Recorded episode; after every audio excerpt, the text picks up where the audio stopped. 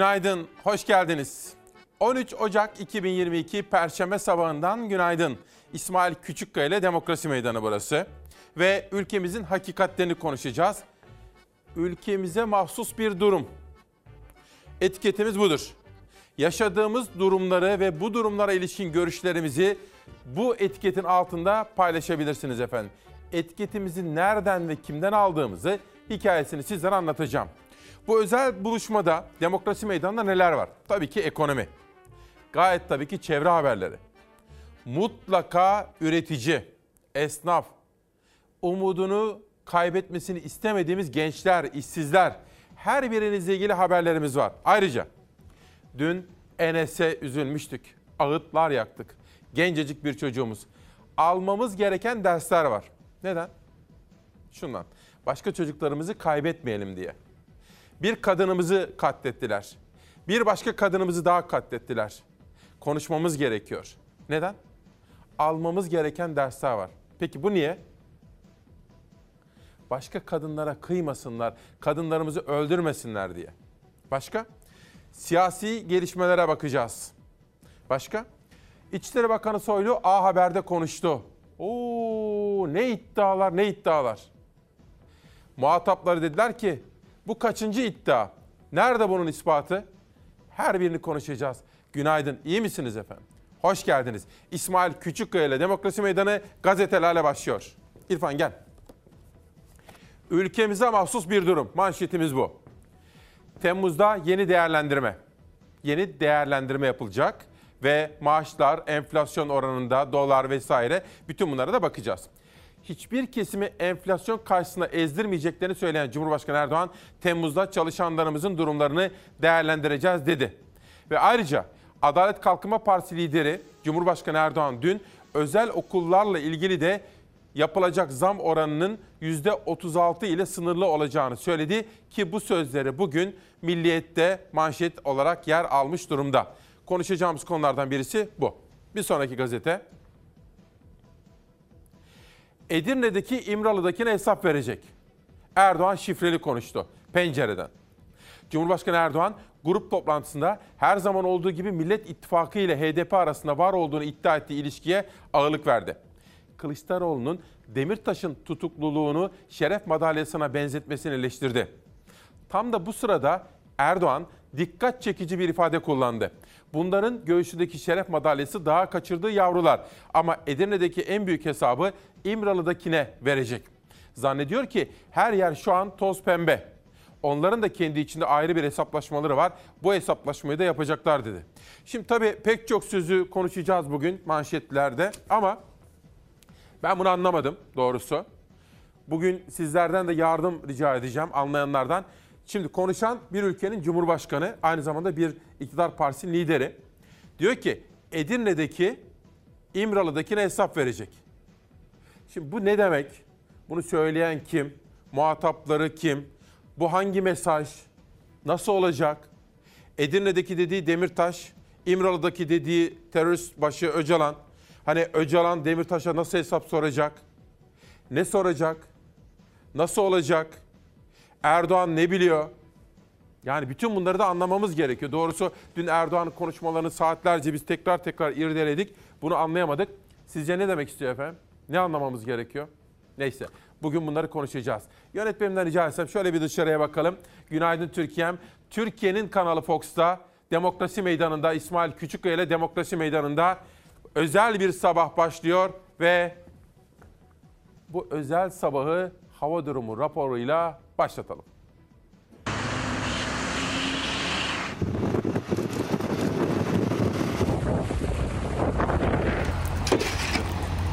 Batısıyla doğusuyla yurtta kar yağışı etkili oldu. Büyük şehirlerde kar ince ve kısa süreli beyaz örtüler oluşturabildi. Kar tatili haberleri ise Doğu Anadolu, Karadeniz ve İç Anadolu'dan geldi. Bugün Ağrı Eleşkirt'te, Tunceli, Ovacık, Pülümür ve Nazimiye ilçelerinde, Ordu, Korgan, Mesudiye ve Akkuş'ta, Konya'nın ise Seydişehir, Taşkent, Hadim, Ahırlı, Yunak ve Derebucak ilçelerinde okullar kar nedeniyle tatil edildi. Karın büyük heyecanla beklendiği İstanbul'da beklenen oldu. Kar kısa süreli beyaz örtülerini yüksek ve şehrin merkezinden uzak noktalarında oluşturdu. Kartal'da Aydos Ormanı en beyaz görüntülerin kaydedildiği adresti İstanbul'da. Merkezin ısı adası etkisinden uzak ormanlık alanda kar beyaz örtü oluşturabildi. Şehrin merkezine yakın noktalarda karla karışık yağmur zaman zaman kara dönüşse de yerde birikim yapamadı. Akşam saatlerinde termometrelerin yağışları kara çevirecek kadar düştüğü saatlerde megakentte yağış etkisini yitirdi. Silivri, Çatalca gibi İstanbul'un en batısındaki merkezden uzak ilçelerde ise yer yer beyaz örtü oluştu. Kar keyfi yapmak isteyen İstanbullu soluğu Çatalca'da aldı. Günlerdir bu karı bekliyoruz. Keyfini çıkaracağız. Burada e, çay, kahve, e, kestane patlatacağız, pişireceğiz, keyfini çıkaracağız. Başkent Ankara'da ise gece saatlerinde ince beyaz örtüler oluşturdu kar yağışı. Ankara'da da şehrin yüksek kesimlerinde beyaz örtü vardı. Hava sıcaklığı gece saatlerinde eksi 2 dereceye kadar düştü. Marmara'da Bulgaristan sınırına yaklaştıkça beyaz örtü belirginleşti. Edirne bembeyaz bir kar örtüsüyle kaplandı. Keşan ilçesinde hatırı sayılır ölçüde kar yağdı. Çanakkale'nin yüksek köylerinde yollarda iş makinesi çalışması yapılması gerekecek kadar çok kar yağdı.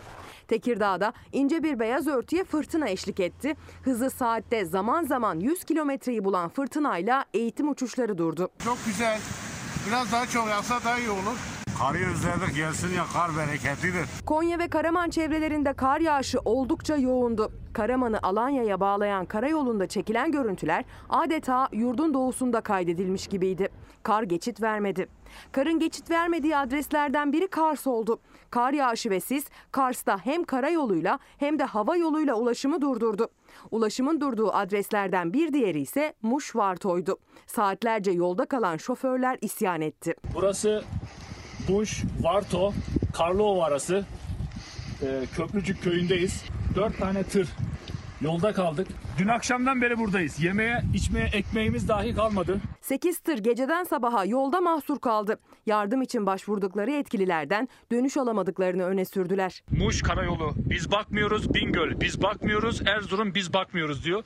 Burası terk edilmiş yer. Bugün de yurdun doğusunda kar yağışının yoğun şekilde devam etmesi bekleniyor. Doğu Karadeniz'de kıyıda sağanak yağmur kuvvetli olacak, yaylalarda kar yağışı.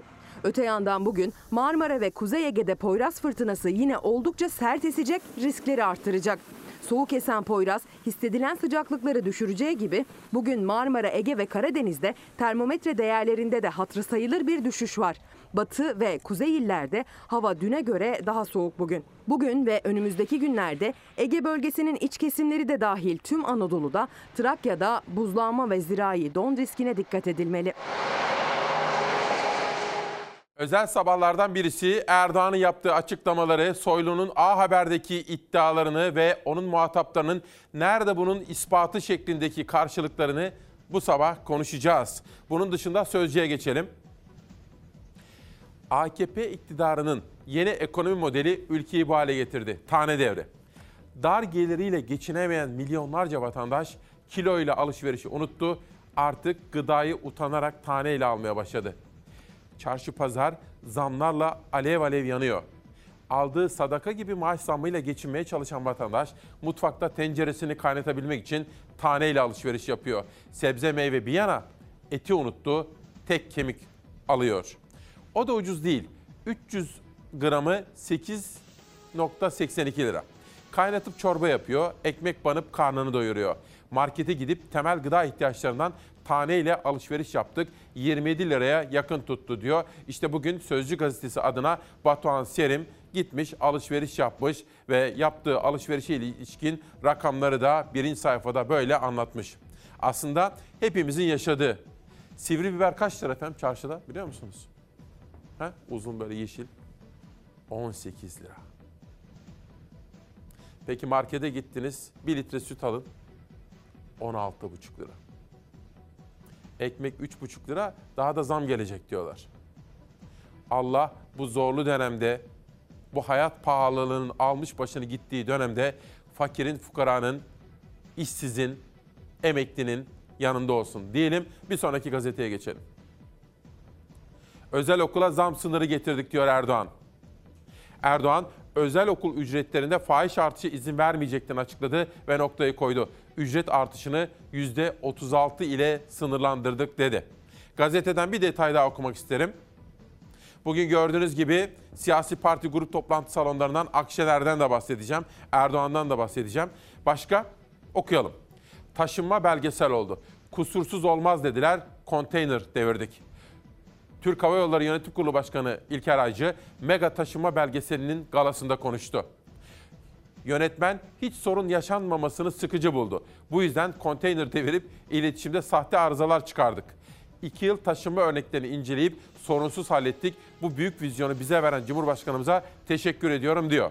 Ve burada bakın National Geographic o olağanüstü olayı da belgeselleştirmiş. Türk Hava Yolları'nın İstanbul Havalimanı'na taşıma belgeseli 16 Ocak'ta yayınlanacakmış. Walt Disney Türkiye Genel Müdürü Cenk Söner, İlker Aycı'ya hediye takdim etti. Törenden çok çarpıcı anekdotları sizlere anlatacağım ilerleyen dakikalarda. Ama dün bilim kurulu toplantısı yapıldı.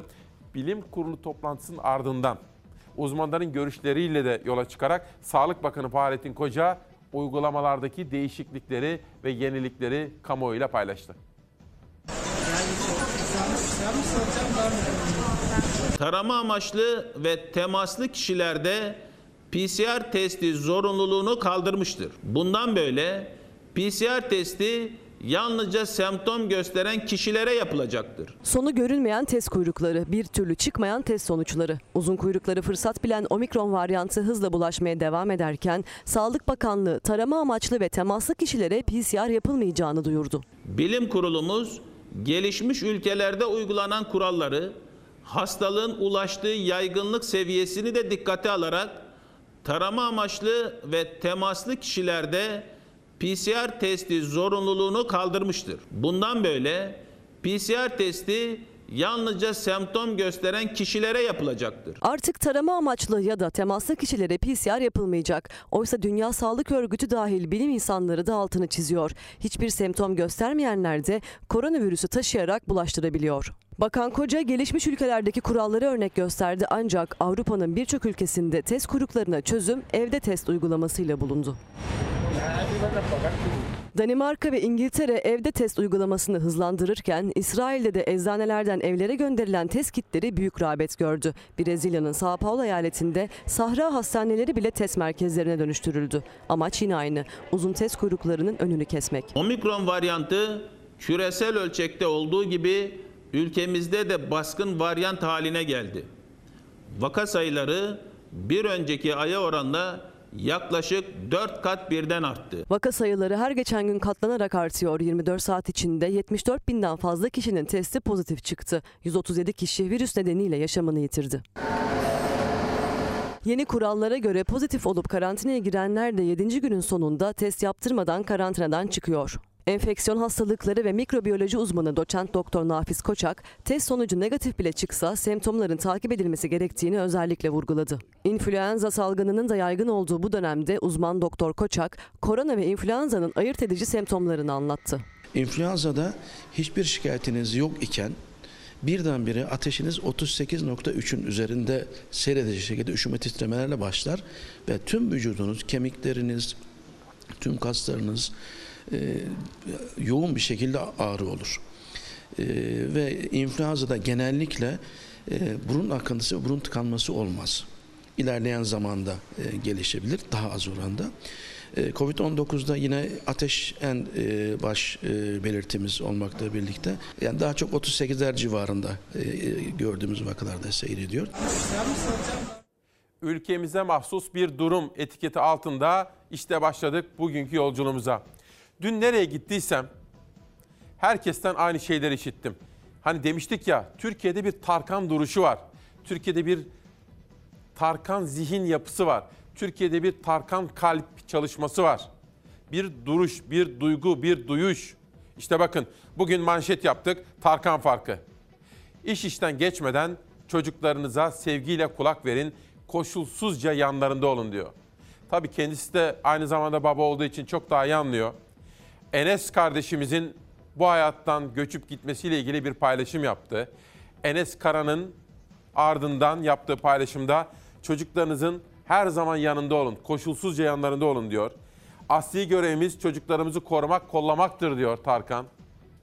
Ve onun yaptığı bu açıklamaları son derece önemsiyoruz efendim. Neden? Mesela Enes olayı neden önemli? Devletimiz anayasamızda yazılı Türkiye Cumhuriyeti'nin demokratik, layık, sosyal bir hukuk devleti olmasının gereklerini yerine getirsin. Aileler duyarlı davransın. Çocuklarımıza imkan sağlayabilelim. Onların yanlarında olabilelim. Onlara gerektiği zaman profesyonel destek verebilelim. Bütün bunlarla birlikte ve hepsinin ötesinde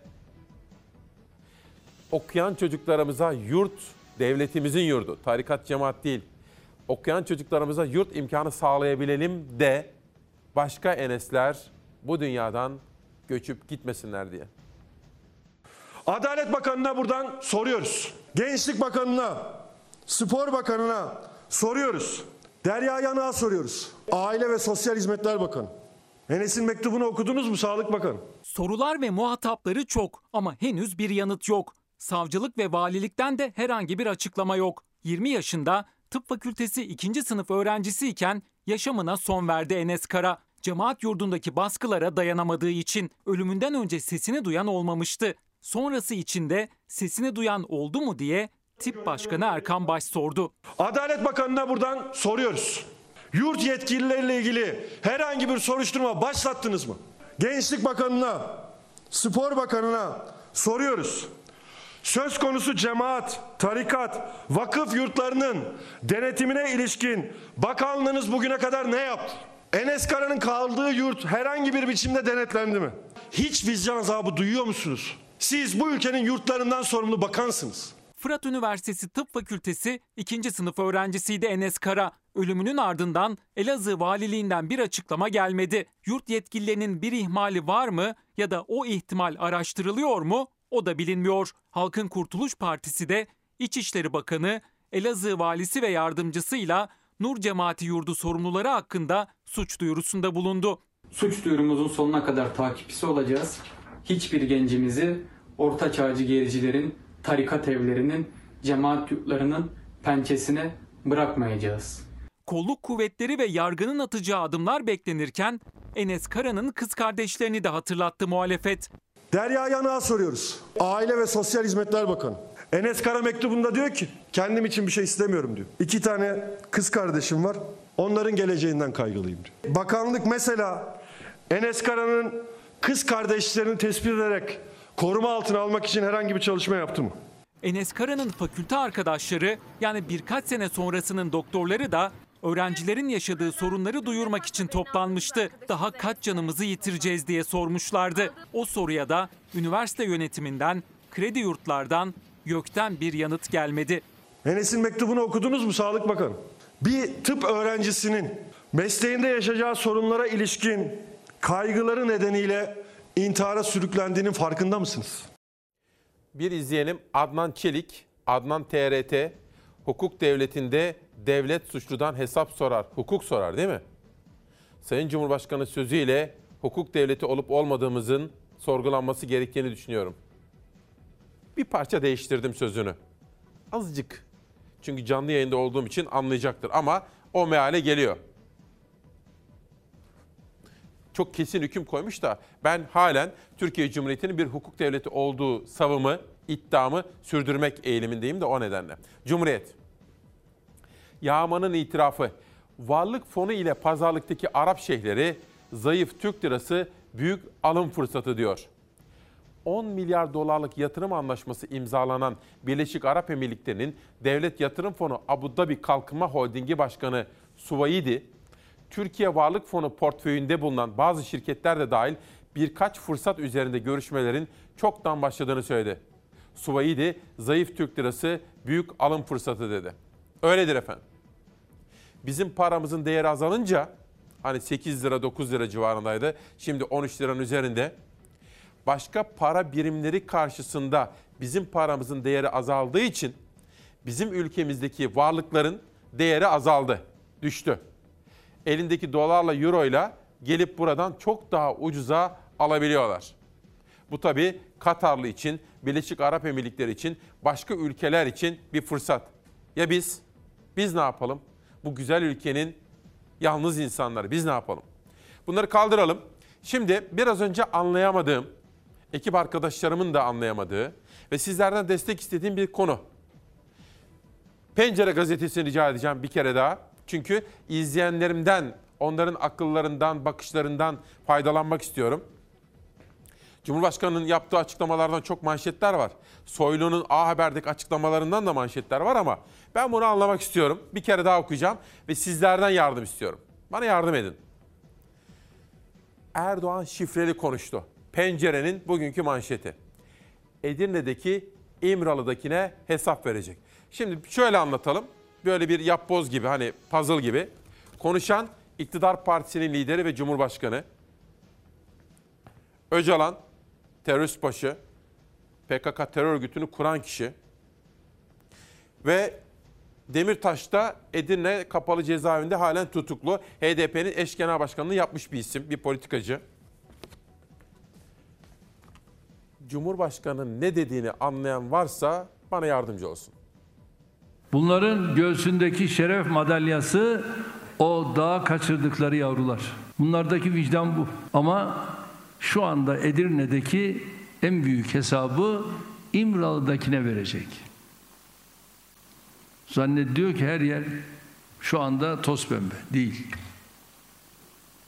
Onların da kendi içinde ayrı bir hesaplaşmaları var.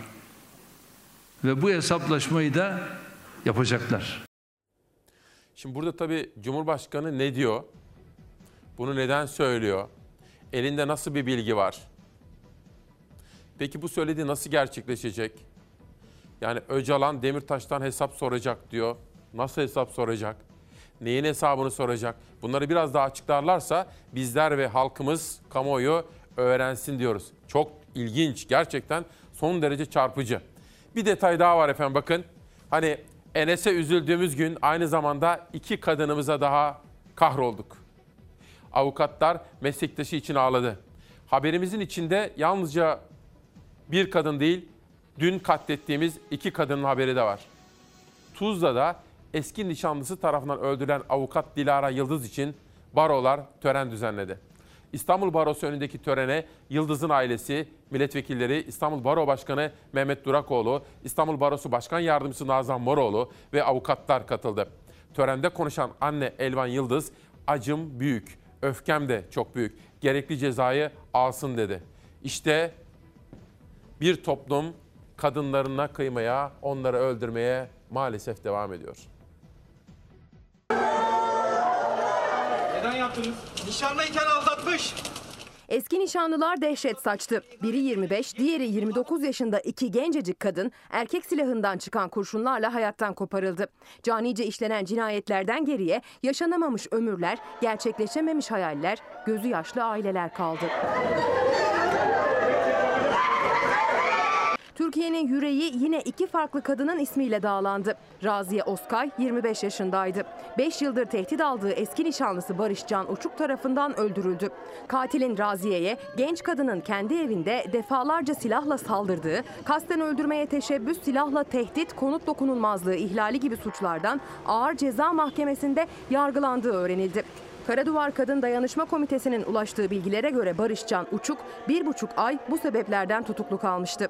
Buna rağmen tehdit ve tacizlerinin devam ettiği öğrenildi. Barışcan Uçuk bu kez söylediğini yaptı, genç kadını öldürdü. Mersin Toroslar'da yaşayan kadın evinden otobüs durağına yürürken karşısına silahıyla çıkan Uçuk kaçmaya çalışan kadına defalarca ateş etti. Hastaneye kaldırılan kadın hayatını kaybetti, cenazesinde gözyaşı sel oldu. Avukat Dilara Yıldız ise 29 yaşındaydı. Eski nişanlısı memleketi Samsun'daki kadının evine çilingirle girerek 10 gün boyunca Dilara Yıldız'ın eve dönmesini beklemişti. Dilara eve döndüğünde aralarında kavga çıkan çift birlikte dışarı çıktı.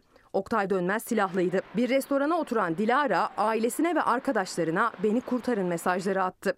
Evinde darp ederek silah zoruyla o restoranta getirmiş. Sonra ablam aradı beni. Tuba'yı kurtar diye. Restorana arkadaşları geldi, Oktay Dönmez'i ikna edemediler. İhbarda bulunulan polis restorandan içeri girer girmez Oktay Dönmez, Dilara Yıldız'ın başına iki el, vücuduna üç el ateş etti. Yere düşen kadına ateş etmeye devam eden Oktay Dönmez kaçmaya fırsat bulamadan yakalandı. Melek gibiydi. Kimseye zararı olmazdı. Kendisi avukattı ve kadın cinayetlerin davasında müvekkili eğer bir kadın öldürmüşse o davaya dahi bakmıyordu. O kadar iyi bir insandı. İstanbul Barosu avukat Dilara Yıldız'ın canice katledilmesini kınadığını vurgulayan bir paylaşım yaptı. Baro Başkan Yardımcısı Nazan Moroğlu da sosyal medyadan duruma tepki gösterenlerdendi. Baro, katilin en ağır cezayı alması için yasal sürecin takipçisi olacağını duyurdu. Genç kadını sık sık tehdit ve taciz de ettiği öğrenilen eski nişanlı adliyeden çıkarılırken beni aldattı dedi. Sanki öldürmesini haklı çıkaracak bir gerekçeymiş gibi. Nişanlıyken aldatmış. Aldatmış beni, ihanet etmiş. Gencecik bir insanı hayattan kopardınız. Ne söyleyeceksiniz? Bu bir sebep mi? Bir kadını gözünün yaşına bakmadan öldürmeyi kendine hak gören adam ifadesinde kapıda polis arabasını görünce kendimi kaybettim dedi. İki genç kadın erkeklerin elindeki silahlardan çıkan kurşunlarla uzun süre tehdit ve tacizlere rağmen hayattan koptu. İki kadın da tehdit ve tacize uğradığını söylemişti, yaşadıkları sır değildi. Kadın cinayetlerini durduracağız platformu verilerine göre 2021 yılında o veya bu sebeple 280 kadın erkekler tarafından öldürüldü. 217 kadının ölümü ise şüpheli şekilde kayıtlara geçti. Yani utanç verici gerçekten. Bu kadar çok kadına katledilmesi, kıyılması, kadınların öldürülmesi. Bu konuyu konuşacağız ilerleyen dakikalarda. Fakat konuşmamız gereken bir husus daha var. Soylu Kılıçdaroğlu o kadar kendisinin telefonlarını dinlediğimizi söylüyor. Türkiye hükümeti kendisinin telefonlarını dinleseydi Pensilvanya ile konuştuğunu kaydederdi. Şimdi tabii herhangi bir olayı anlarken, anlamaya çalışırken söyleyen kişilerin kimliklerine de bakmamız gerek. Hani ben biraz önce söyledim ya bu şudur, bu şudur, İmralı'daki budur filan diye. Konuşan kişinin Türkiye Cumhuriyeti İçişleri Bakanı olduğunu unutmayınız. İçişleri Bakanı Süleyman Soylu bunu söylüyor. Bunun haberini dinleteceğim. Burada da belki siz bana yardımcı olursunuz. Ama önce Türk Gün'e geçelim. Türk Gün'den manşeti ak- aktaracağım size şimdi. Neden sustunuz diyor. Aralarından sus sızmayan CHP, İP ve HDP ihanette yarışır hale geldi. HDP'li Semra Güzel'in PKK'lı bir teröristle fotoğraflarının ortaya çıkmasından sonra CHP ve İP kapatma davasıyla karşı karşıya olan ittifak ortakları HDP'yi aklama peşine düştü diyor. Bir detay daha rica edelim. Bakalım var mı? Küçültelim. Küçültelim. Ben okuyacağım. Evet şuraya gelelim. Mehmetçik nefes bile aldırmıyor. İçişleri Bakanlığı koordinesinde gerçekleştirilen 14 ayrı Eren kış operasyonlarında bugüne kadar 20 terörist etkisiz hale getirildi. 339 mağara, sığınak ve depo imha edildi. Türk Gün'deki iki manşetten hemen sonra bir güne geçiyoruz. Bir Gün Gazetesi. Evet. İktidar eliyle gerici abluka. Tarikat, cemaat ve onlara bağlı vakıflar ülkenin tüm kurumlarına çöktü. İktidar destekli azınlık tüm toplumu teslim almaya çalışıyor. Enes'in ölümü bir kez daha gözleri ülkedeki tarikat ve cemaat örgütlenmesine çevirdi. İktidar desteğiyle palazlanan ve vakıflar üzerinden her biri holding haline gelen cemaat tarikatlar sadece ekonomik değil, siyasal anlamda da ülkenin geleceğinde söz sahibi oldu. Süleymancılar, Menzilciler, Hakyol, İsmail Ağa, Uşşakiler, Malatyalılar, Ensar, TÜGVA, Nurcuların kolları ve diğerleri. Hepsi FETÖ'nün boşalttığı yerlere çöktü. Bakanlıklar paylaşıldı. Sürecin bir bölümünü bizzat Erdoğan ailesi yönetti. Hukuki dayanağı bulunmayan hatta ilahiyatçı Cemil Kılıç'a göre yasa dışı olan cemaat ve tarikatlar devlet himayesinde. İyi Partili Aylin Cesur 2021'de cemaatlere bağlı 223 kuruma 173 milyon 704 lira aktarıldığını belirtti. Bunların başında İlim Yayma, Türgev, TÜGVA var. Akademisyen Yasin Durak, ülkeyi teslim almaya çalışan bu örgütlenmelere karşı laik ve kamucu mücadele hattının önemine vurgu yapıp laiklik mücadelesinde tereddüde yer yok. Laiklik dindar tabanın bile talebi oluyor dedi. Bir fotoğraf var gazetede. Rize'de 4-6 yaş arası çocuklara Mekke'nin fethi gösterisi yaptırıldı. Temsili Kabe'nin tavaf ettirildi. Küçük kızların başları da bağlandı demiş Bir Gün Gazetesi. Böylece Türk Gün'deki iki, Bir gündeki bir manşeti okuduktan hemen sonra sizlerin görüşlerine, duyuşlarına başvuracağım. Bu izlediğiniz haberde İçişleri Bakanı Süleyman Soylu ne demek istemiştir? Bu Kılıçdaroğlu kendisini telefonla dinlediğimizi söylüyor. Bu kadar rahat mı söyleniyor bu işler? Yani kendisini Türkiye Cumhuriyeti Devleti telefonla dinleseydi Pensil- Pensilvanya'ya konuştuğunu kaydederdi. O kayıt o da kayıtlara girerdi diyorsunuz. Pensilvanya ile Pensilvanya ile konuşması. konuştuğunu kaydederdi. Tekrar Ne zamana ait bir konuşma bu? Onu kaydederdi diyeyim. Ne zamana ben size söyleyeyim siz hatırlayacaksınız. Ee, şahit de var. Ben ne zamana e, söyleyeyim hatırlayacaksınız. Hani çıktı dedi ya ben geçmiş olsun demedim dedi. Fethullah Gülen'e geçmiş olsun demedim dediği zaman dedi. Ben bunu altıncı kere söylüyorum. Ama oradan herhangi bir cevap yok. yani Kemal telefon Kılıçdaroğlu bunları söyler. Bir de şunun cevabını bekliyoruz biz Kemal Kılıçdaroğlu'ndan. Bu soruyla sordum ben. Kimseye hakaret etmiyorum, iftira etmiyorum. Böyle bir şey yok desin. Mesela desin ki biz Pensilvanya ile bir diş muayenehanesinde konuştuğumuzda yurtta barış, dünyada barış sözünü konuşmadık desin. Bu 15 Temmuz'daki Önce- darbecilerin e, sloganı öncesinde bir dişçi de Konuşmadık Kemal desin. Kılıçdaroğlu Mesela konuşmadık desin. Kemal Kılıçdaroğlu böyle bir şey söyleyiversin. Desin ki ben böyle bir şey söylemedim desin. 15 Temmuz'un sloganını 15 Temmuz'dan önce bir diş konuşmadılar. muayenehanesine gitmedim desin. Çok ciddiydi. Oraya şu şu kişiyle beraber oradaydım demesin de, demedi desin. Desin mesela bunları ben herhalde bu yedinci veya altıncı söylemem. E sürekli de söylüyorum. Söyleyemez. İnanılmaz yani gerçekten inanılmaz.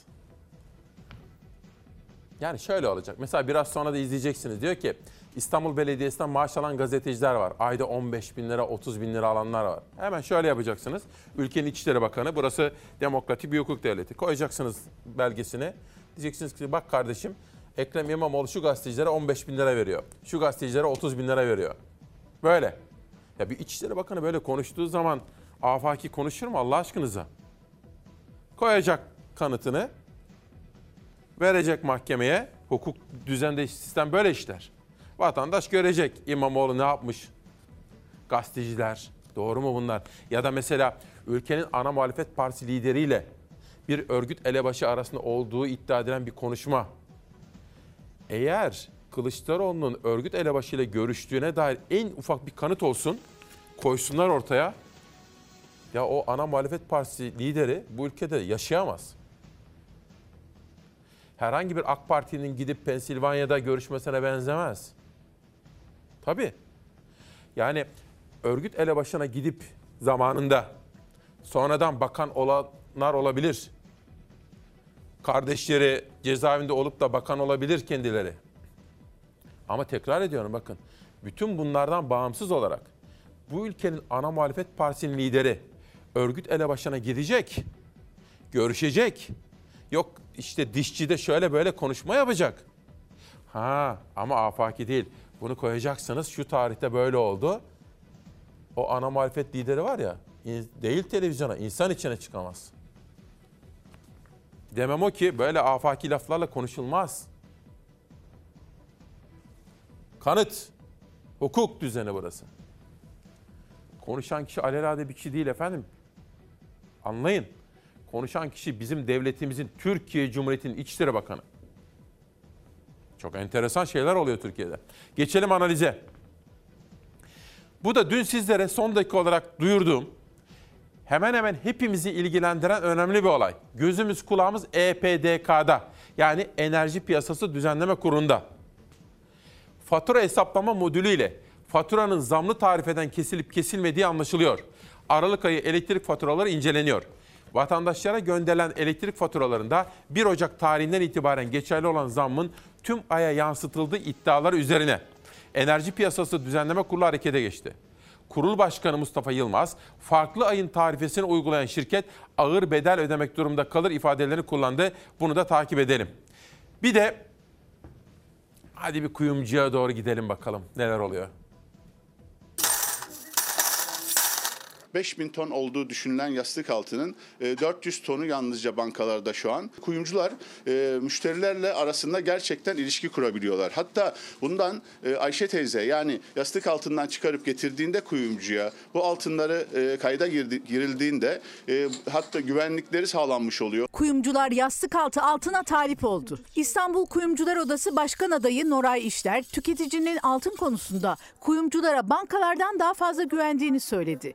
Kuyumculara altınları kayıt altına alma yetkisi verilmesi ve daha birçok yenilik için kuyumculuk kanun taslağı hazırladıklarını anlatan işlere göre Türkiye'de altın ithalatı yerini mutlaka yerli üretime bırakmalı. Bizler el işçiliğinde dünyaya rekabet edebilir güçteyiz. 5000 yıldır e, ülkede e, el işçiliğini en iyi şekilde temsil etme yetisine sahibiz. Bunu da daha ileriye götürmenin tek yolu kuyumculuk kanun taslağıdır. Kuyumculuk kanun taslağını hazırladık.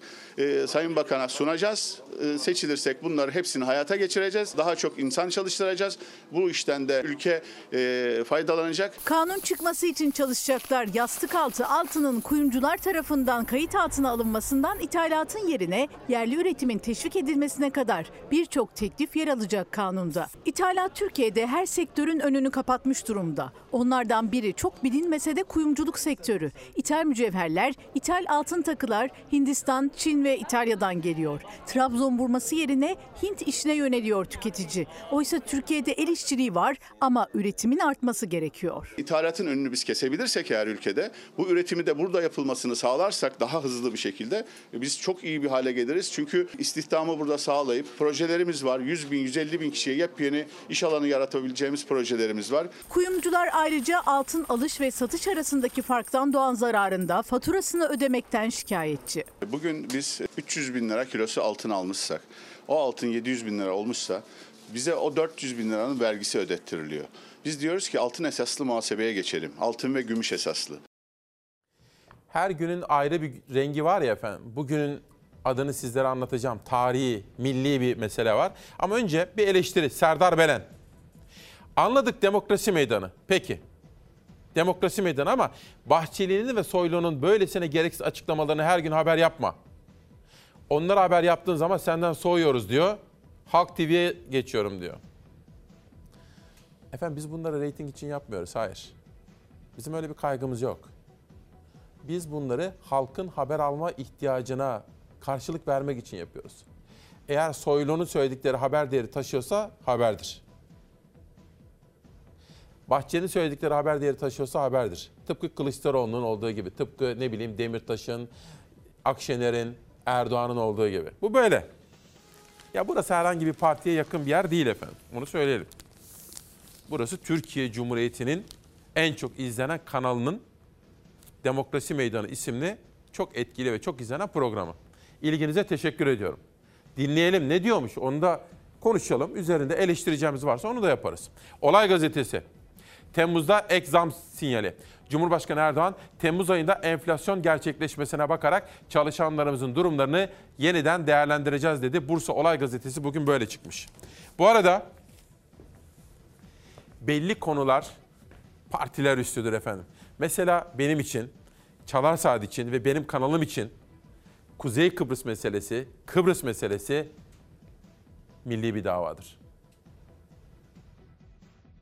Kıbrıs Türk halkının meşru ve önüne geçilmesi imkansız istek ve iradesine tercüman olarak Kuzey Kıbrıs Türk Cumhuriyeti'nin bağımsız bir devlet olarak kurulduğunu dünya ve tarih önünde ilan ediyoruz. Karar suretini oylarınıza sunuyorum. Bu tarihi kararı ayakta oylamanızı rica ediyorum.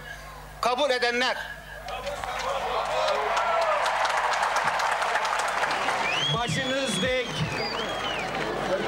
korkusuz yaşayasınız. İnsan haysiyeti içerisinde yaşayasınız diye.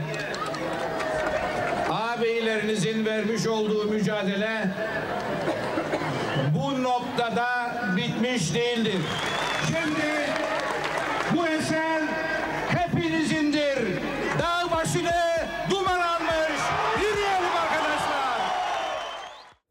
Saygıyla anıyoruz efendim. Biraz sonra da başka hazırlıklarım var o konuda. Yine Reklamlardan hemen sonra sizlere anlatacağım önemli haberlerden birisi de budur. Pandeminin izini sildi. Dünya Havacılık Devleri 2021'de havlu atarken Türk Hava Yolları hem büyüdü hem de pandeminin etkilerini sildi. Hani havalimanına taşınmayı National Geographic bir belgesel yaptı. Cenk Soner de oradaydı. Buradaki gözlem ve izlenimleri de sizlere aktaracağım. Dönüşte Erdoğan'ın İmralı Edirne hattı ile ilgili söylediklerini çözmeye çalışacağız. Soylu'nun İstanbul Belediyesi'nden maaş aldığını iddia ettiği gazetecilerle ilgili ve Kılıçdaroğlu'nun telefonları dinleniyor mu dinlenmiyor mu? Bu konudaki açıklamalarını. Bunun dışında ekonomi, enflasyon, hayat pahalılığı, dolar, piyasalar her birine bakacağız ve ayrıca demokrasi meydanında bir de konuğum olacak. Ama bir kitap tanıtımıyla başlayalım. Belki duyulur sesim. Derya Bengi Erdirzat 100. yılında Cumhuriyet'in popüler kültür haritası. Bu da Yapı Kredi Kültür Yayınlarından çıktı efendim. Benim için bir fincan sade kahve zamanı. Günaydın, hoş geldiniz. Özel bir sabah. Mutlaka anlamamız gereken, zihnimizi çok çalıştırmamız, zihnimizle birlikte kalbimizi de çalıştırmamız gereken özel sabahlardan biri. 13 Ocak 2022 Perşembe sabahında İsmail Küçükkaya ile Demokrasi Meydanı. Bugünkü etiketimizi Adalet Kalkınma Partisi lideri ve Cumhurbaşkanı Erdoğan'dan aldık. Telif hakkı onundur. Ülkemize mahsus bir durum dedik. Gündem çalışmamızı yaparken böyle bir manşette yola çıktık. Gazeteler geliyor efendim ve konuğum da geldi. Ankara'dan sizler için kaçırmayacağınız önemli bir vizyon açıcı, ufuk açıcı bir konuk ve biraz sonra demokrasi meydanında olacak. İşte günün öyküsü bu. Erdoğan'dan Öcalan açıklaması en büyük hesabı İmralı'dakine verecek.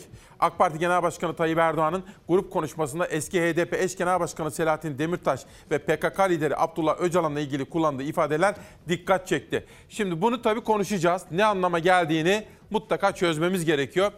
Hani İmralı'daki Edirne'dekine hesap verecek diyen bir ülkenin cumhurbaşkanı acaba halkımıza bizlere hangi mesajı vermiştir? Bütün bunları irdelemeye gayret edeceğiz. Günaydın, hoş geldiniz. Hepinize akıl, zihin ve ruh sağlığı dileyerek manşet yolculuğumuzu hava durumuyla başlatıyorum.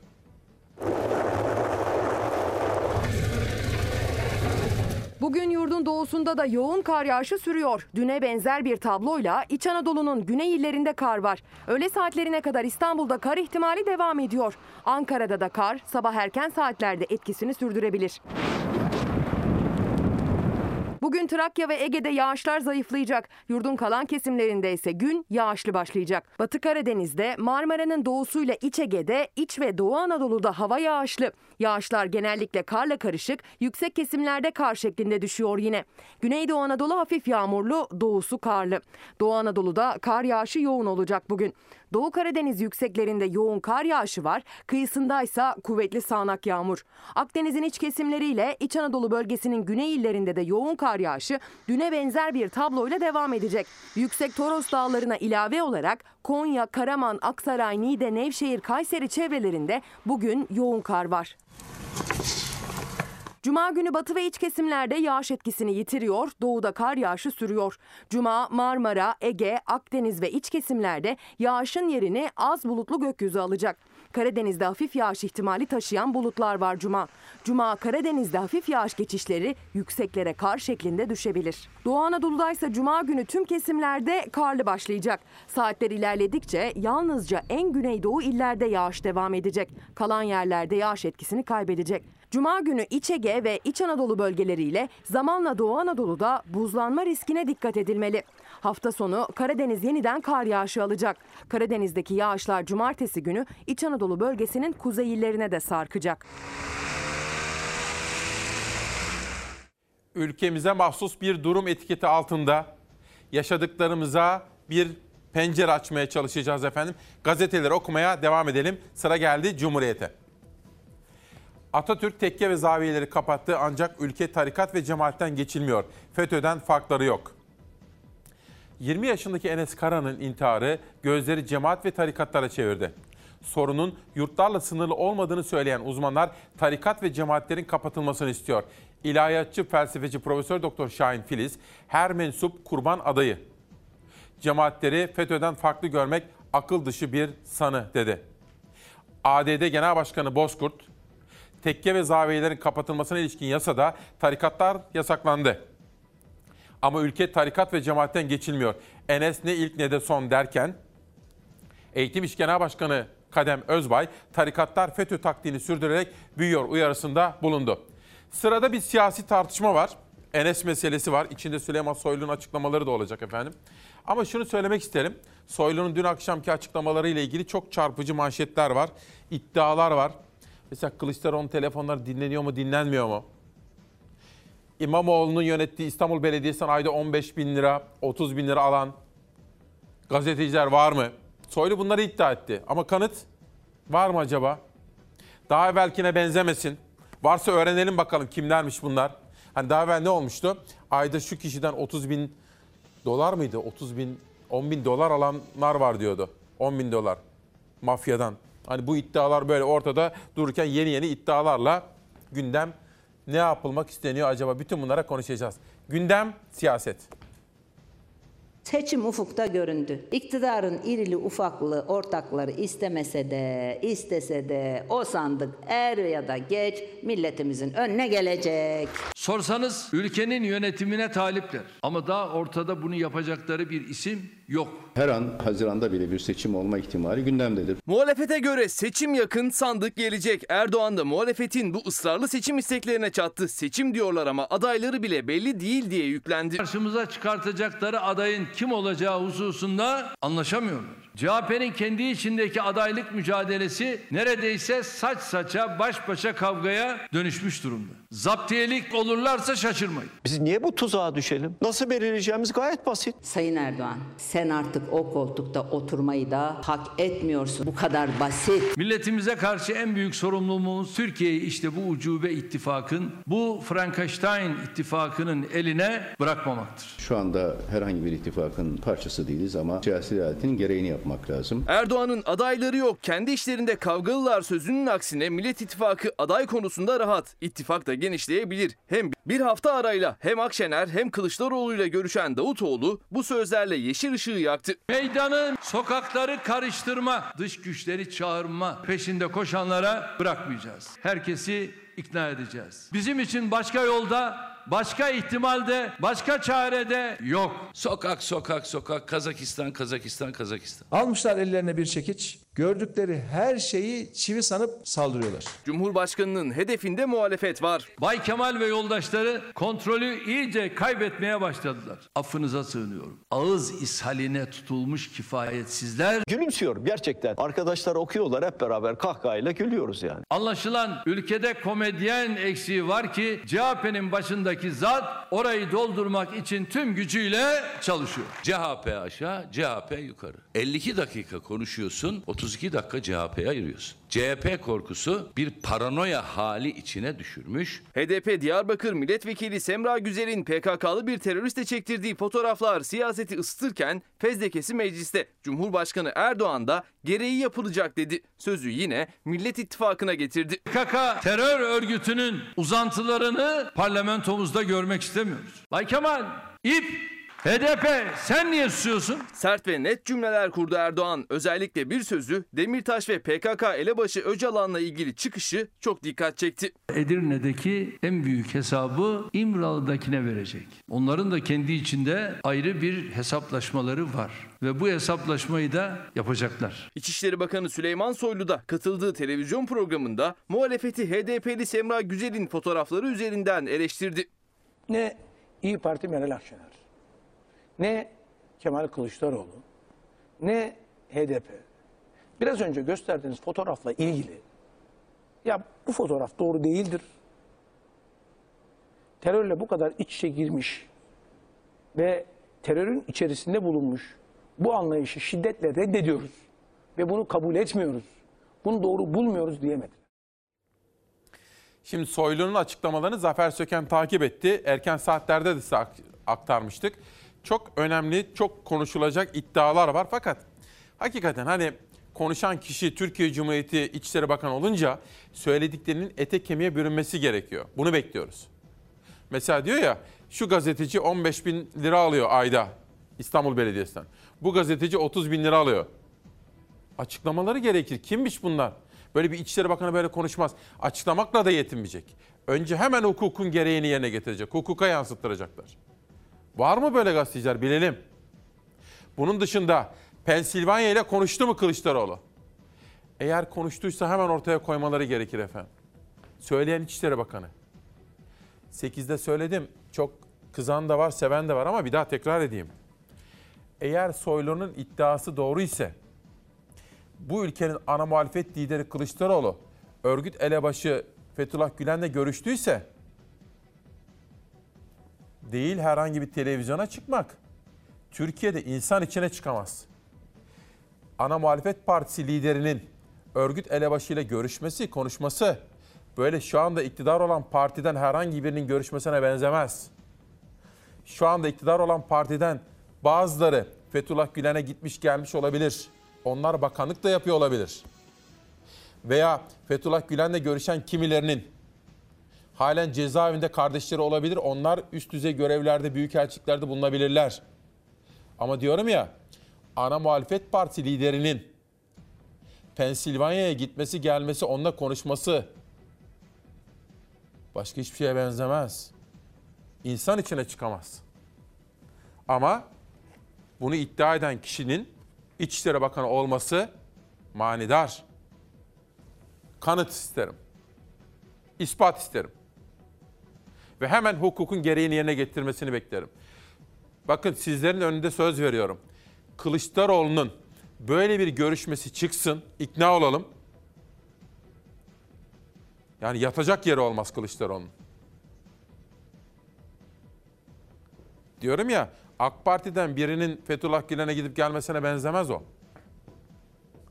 Şimdi bugün gazetenin başlığını değiştirdim onu söyleyeyim. Dün yaşadığımız bir acı ve o acı üzerinden almamız gereken dersler.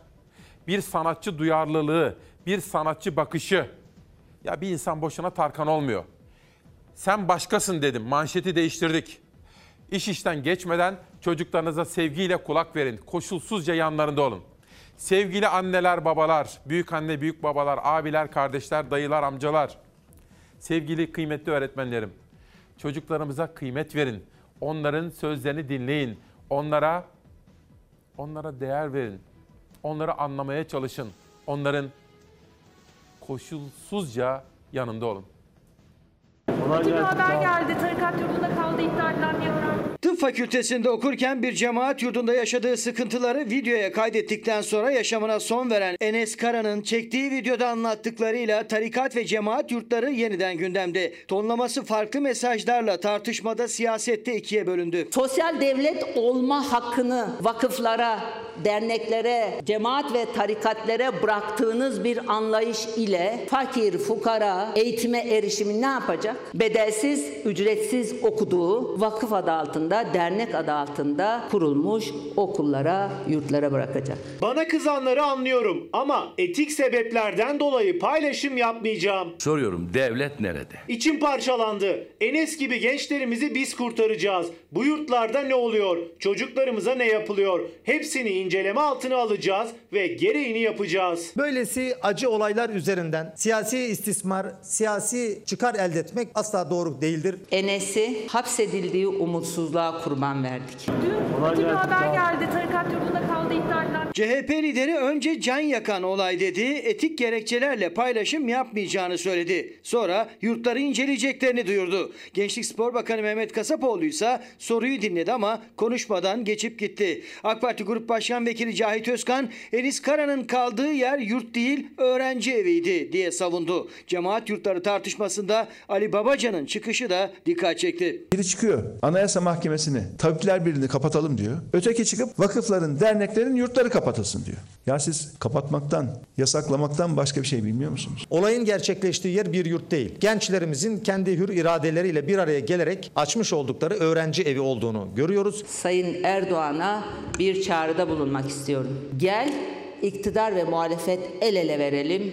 Bu ülkenin lügatından kadın ölümlerini, genç ölümlerini silelim. Enes Kara'nın yaşadığı baskılar sonucu sürüklendiği hazin son üzerinden tarikat, cemaat ve vakıf yurtları tartışması siyasetin yumuşak karnı oldu. 2021 yılında devletin aktardığı para 223 tane cemaate 173 milyon 704 lira. Kaçak yurtlara göz yuman vali dahil kaymakam dahil bürokratların da akıllarını başlarına almaları lazım. Bir denetleme yapıyoruz diyerek insanların evleriyle ilgili araştırma yapacağız derseniz bunun ucu nereye kadar varacaktır? Acaba demokratik toplum değerlerine, dokusuna ne kadar zarar veririz? Buna da iyi bakmamız lazım. Enes Kara gibi benzer ya da farklı sebeplerle cemaat, tarikat, vakıf yurtlarına mahkum edilmiş, kendisini risk altında hisseden, umutsuzluğa kapılmış her bir kardeşime çağrımdır. Bana ulaşın, birlikte çare arayalım, hallederiz. CHP'li Özgür Özel meclisteki makam telefonu ve mail adresini vererek Enes gibi sıkıntıda olan öğrencilere seslendi.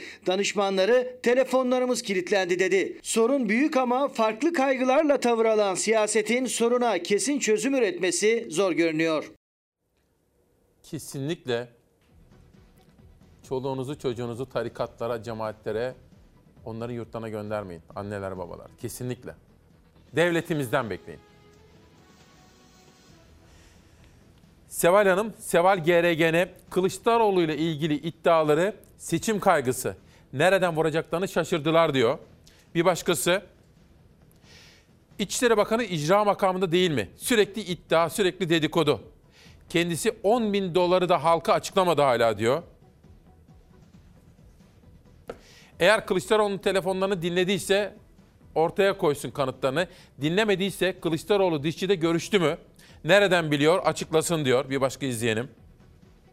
Bir başkası bu da İmamoğlu'nun danışmanı Şükrü Küçükşahin Ankara'dan yollamış. Diyor ki sevgili İsmail dehşetle izliyoruz. Aynı İçişleri Bakanı bir siyasetçinin bir mafya babasından her ay 10 bin dolar aldığını söylemedi mi? Söyledi. Peki isim verdi mi? Hukuken gereğini yaptı mı diye soruyor. 35 yıllık bir gazeteci Şükrü Küçükşahin'in sözleri. Ama öyledir efendim bakın.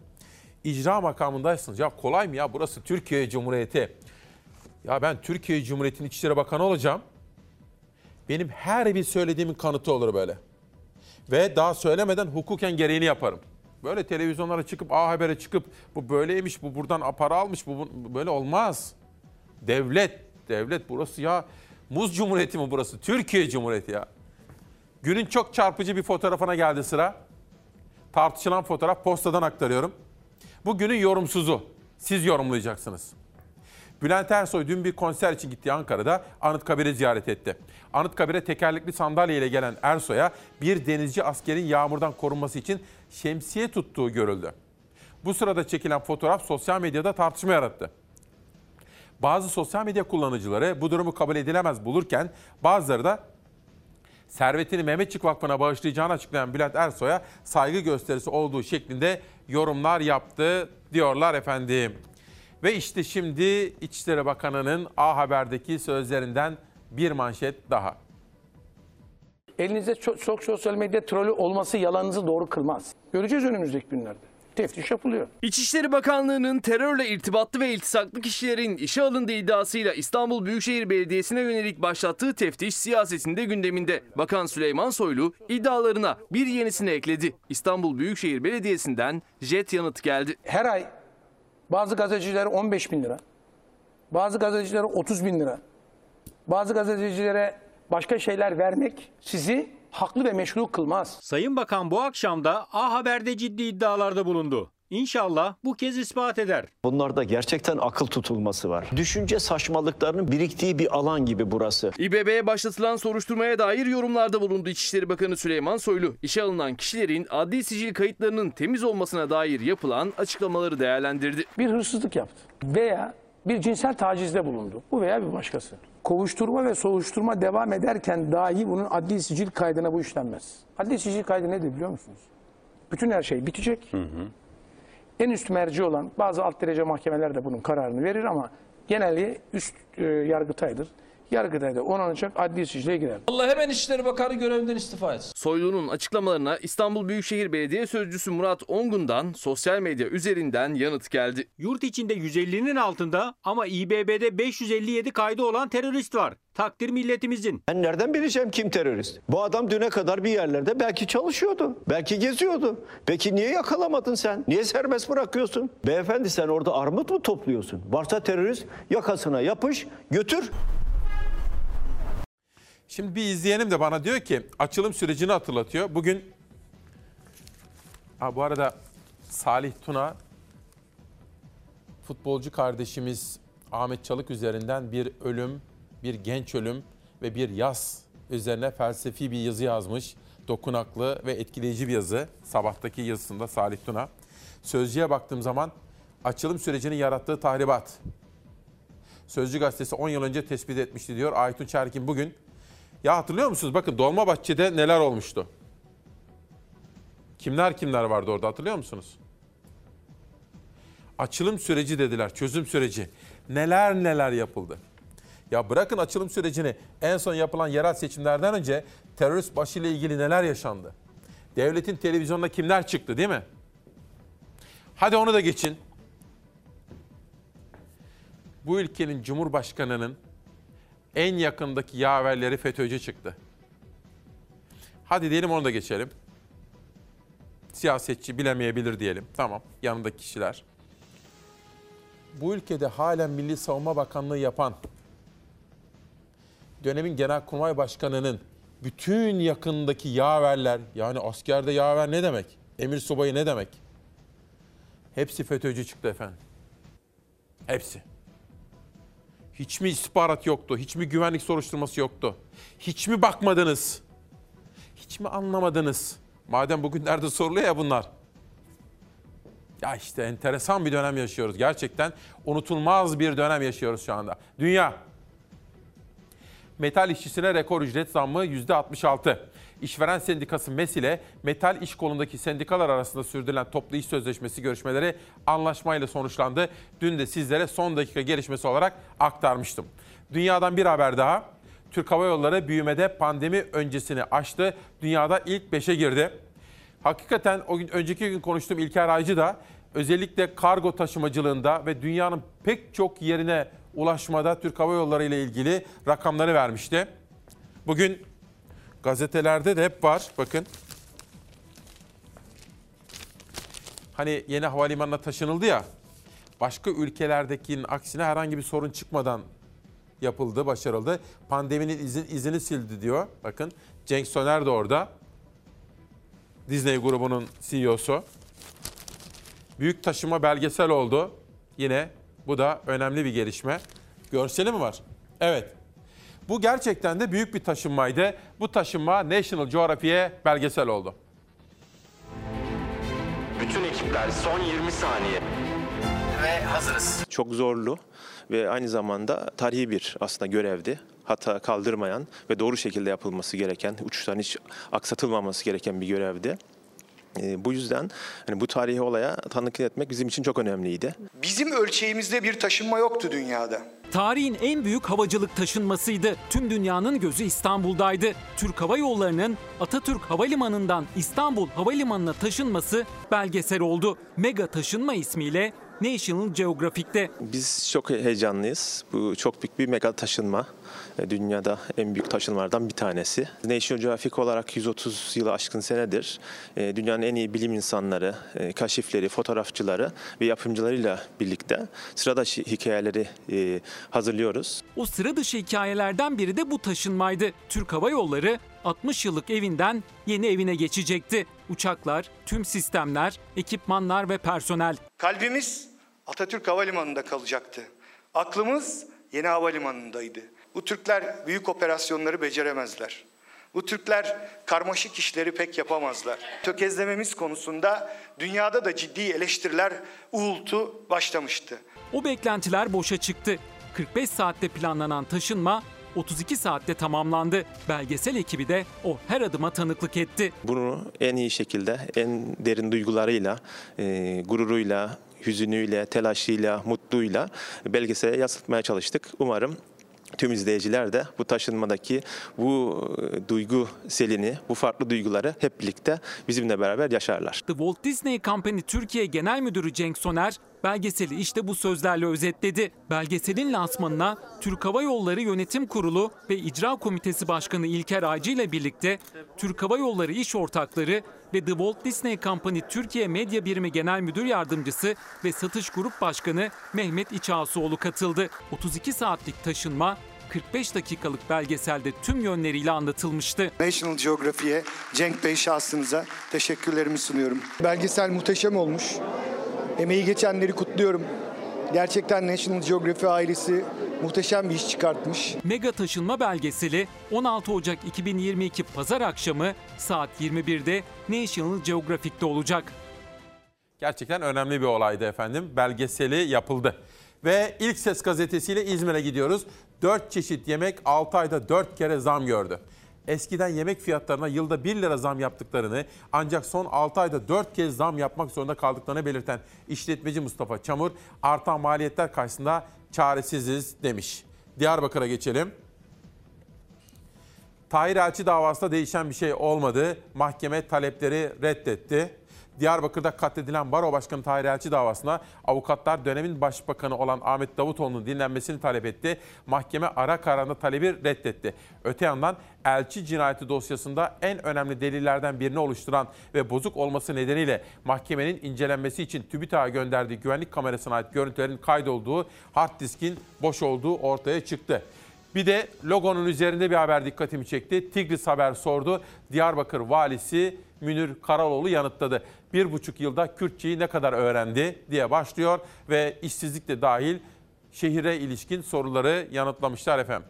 Bugün özel günlerden ya bizim hem kanalımızda Fox'ta hem de Çalar Saat'te İsmail Küçükkaya ile Çalar Saat buluşmalarında bazı konuların milli konu olduğunu, her türlü siyasi mülahazadan, siyasi değerlendirmeden azade tutulduğunu bilirsiniz. Denktaş ve Kuzey Kıbrıs bizim için böyledir. Kıbrıs Türk halkının meşru ve önüne geçilmesi imkansız istek ve iradesine tercüman olarak Kuzey Kıbrıs Türk Cumhuriyeti'nin bağımsız bir devlet olarak kurulduğunu dünya ve tarih önünde ilan ediyoruz.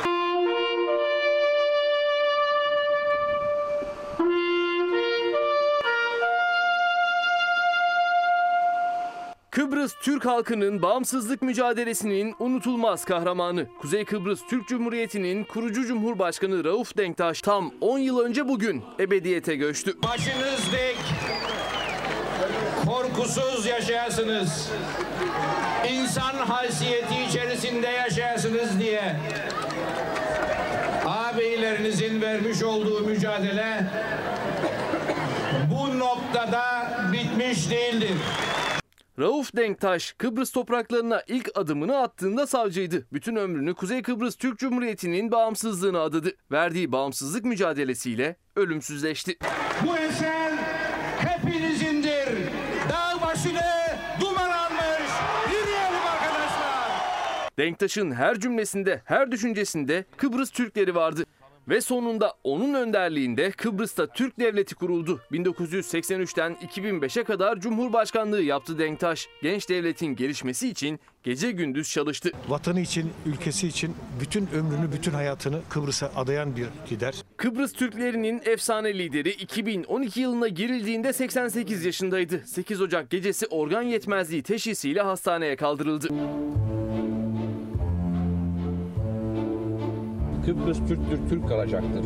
Acı haber 13 Ocak 2012'de geldi. Denktaş bu dünyadan göçmüştü. Denktaş'ın vefatının ardından Türkiye ve Kuzey Kıbrıs Türk Cumhuriyeti'nde ulusal yaz ilan edildi. Vatanlaşmış topraklara düşman ayağını bastırmamak için savaşan bir milli kahramandı. Denktaş'ın vefatının üzerinden bugün 10 yıl geçti. Aradan geçen zamana rağmen mücadele dolu ömründe olduğu gibi Denktaş hiç unutulmadı. Ne mutlu Kuzey Kıbrıs Türk Cumhuriyeti'nin Türk çocuklarına.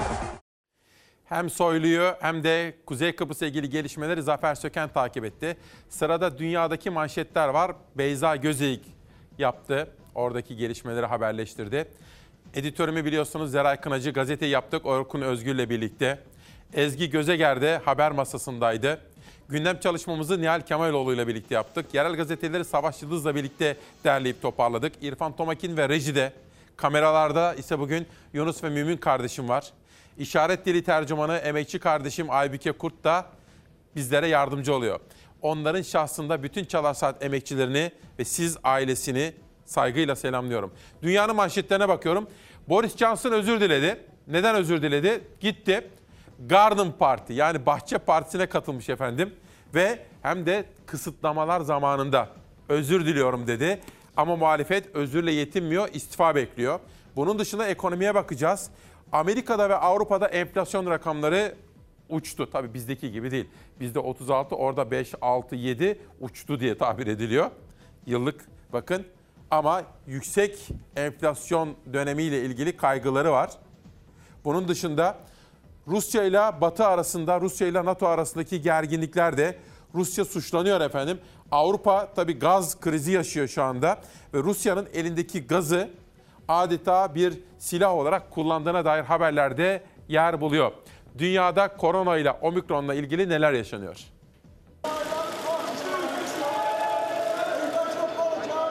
Mr. Speaker, I want to apologize. İngiltere'de hane halkı dışında buluşmaların yasak olduğu dönemde Başbakan Johnson'ın bir partide görüntüleri ortaya çıktı. Johnson görüntülerin ardından özür diledi. Dünya Sağlık Örgütü Genel Direktörü aşı olmayanların yarattığı açık kapanmadığı sürece salgın sona eriyor diyemeyiz dedi. In Africa, more than 85% of people are yet to receive a single dose of vaccine. Dünya pandeminin pençesinden bir türlü kurtulamadı. Vaka sayıları her ülkede katlandı. Ancak son varyant omikronun hafif seyretmesi az da olsa geleceğe dair umut oldu. Avrupa'da en yüksek vaka Fransa'da bir günde 300 binden fazla vaka kaydedildi. Amerika Birleşik Devletleri'nde ise günlük vakalar tırmanıyor. 330 milyon nüfuslu ülkede bir günde 1 milyona yakın vaka tespit edildi. Ancak test sayıları yetersiz. Bir de hastalığı semptomsuz taşıyanlar var. Diğer varyantlardan daha hafif seyreden omikronun bir günde kaç kişiye temas ettiğini belirlemek mümkün görünmüyor. Dünya Sağlık Örgütü omikronun belki de salgını yavaş yavaş bitirecek varyant olduğunu ifade etse de aşı olmayanların bu durumu baltalayacağını söyledi. Afrika'daki aşısız oranının yüksekliğine dikkat çekti. In Africa, more than 85% of people are yet to receive a single dose of vaccine. We cannot end the acute phase of the pandemic unless we close this gap. İngiltere Başbakanı Boris Johnson muhalefetin hedefinde. Sadece muhalefeti değil halkı da çok kızdıran Johnson'ın İngiltere'de yasaklı dönemde partide çekilen görüntülerinin yankıları sürüyor. 20 Mayıs 2020'de İngiltere'de hane halkı dışında buluşmalar yasaklandı. Ancak Johnson başbakanlık konutunda düzenlenen partiye katıldı. Fotoğraflarının çıkması üzerine istifa baskıları altında kalan Johnson, çalışanlara teşekkür amacıyla düzenlenen bir organizasyonda ama izin vermemeliydim dedi, özür diledi. People who suffered terribly, people who were forbidden from meeting loved ones at all, inside or outside, and to them and to this house I offer my heartfelt apologies. Özür diledi ama muhalefet ısrar ediyor efendim. Bu arada İzmir'den Ahmet Göksan bugün yeni yaşının ilk gününü kutluyormuş efendim. Akrabalarından güzel mesajlar gelmiş. Ahmet Göksan'a da buradan mutlu, sağlıklı bir yıl diliyoruz efendim. Ankaralıymış kendisi aynı zamanda. Bir mesaj daha şöyle bakalım. Bu arada Meral Akşener Ahmet Davutoğlu bir kere daha görüştüler efendim. Onun da altını çizelim. Şimdi bir mesaj var. Bakın. Alo Engin. İsmail diyor Kılıçdaroğlu'nu bitireceksin. Soylu'nun ispat edeceğini bile bile bu konuyu irdeliyorsun. Kılıçdaroğlu'na kumpas mı kuruyorsun diyor. Gerçi bana ne? İmamoğlu gelir, Mansur Yavaş gelir mi diye düşünüyorsun. Bizim için değişmez. Biz reisçiyiz canım diyor. Hayırlı uğurlu olsun. Ben Kılıçdaroğlu, Mansur, İmamoğlu beni ilgilendirmez. Ama Soylu ispat edebilir mi? Ya daha evvelki iddialarına baktığım zaman etmedi. 30 10 bin dolar alan kim biliyor musunuz mesela reisçi kardeşim? Gerçekten bakın tekrar ediyorum. Kılıçdaroğlu'nun örgüt elebaşıyla görüşmesi başka bir şeye benzemez. Filanca AK Parti'nin oraya gidip gelmesine sonra bakan olmasına ya da kardeşinin cezaevinde olup da kendisinin bakan olmasına, büyükelçi olmasına benzemez. Tekrar ediyorum. Kılıçdaroğlu'nun örgüt elebaşıyla görüştüğü ispat edilsin. Görün bakalım neler oluyor. Ya CHP Genel Başkanı olarak kalamaz orada. Nazım ve İnebolu Nazmi Eğdirici'nin kitabı. Erdal Ercin, bence şiir yazma sen diyor. İşte köyüm, işte köylüm Zafer Özcivan. Değerli izleyenler, uf, ufuk açıcı bir konukla zihin açıcı bir sohbet gerçekleştirmek istiyorum. Ankara'dan davet ettim. Sağ olsun geldi. Bir otelde de kaldı. Sizlerle buluşacak. Bu zorlu dönemde neden böyle oldu ve nasıl çıkacağız? Kendisiyle konuşacağız. Kıymetli bir konuğumla ama önce bir parça soluklanmak istiyorum. 13 Ocak 2022 Perşembe sabahında İsmail Küçükkaya Demokrasi Meydanı'ndasınız. Günaydın, hoş geldiniz. Ülkemize mahsus bir durum dedik. Adalet Kalkınma Partisi lideri ve Cumhurbaşkanı Erdoğan'dan aldık. Telif hakkını ona ödeyeceğiz efendim. Bundan sonraki bölümde ufuk açıcı bir kişiyle zihninizi açmaya çalışacağız. Yaşadığımız sorunların nedenine, nasılına ve bu sorunlardan nasıl çıkacağımıza göz atacağız. Çok kıymetli bir isim. Profesör Doktor Serap Yazıcı hocamız geldi. Ankara'dan sizler için geldi efendim. Ve çok önemli konular. Böyle oturun, nefessiz izleyeceksiniz. Kıymetli hocam hoş geldiniz. Merhaba, hoş bulduk. Nasılsınız? Teşekkür ederim, iyiyim. Siz nasılsınız? Sağ olun. Ankara'dan İstanbul'a geldiniz yeniden. Evet, evet. Nasıl evet. izlenimler? Ankara'dan Aa, sonra İstanbul. Ankara'dan sonra İstanbul. Öncelikle çok özlediğimi söylemeliyim. Evet. Bütün güçlüklerine rağmen. Ama hazin bir görüntüsü var İstanbul'un. Nedir? Biz İstanbul'un trafik karmaşasına alışmıştık.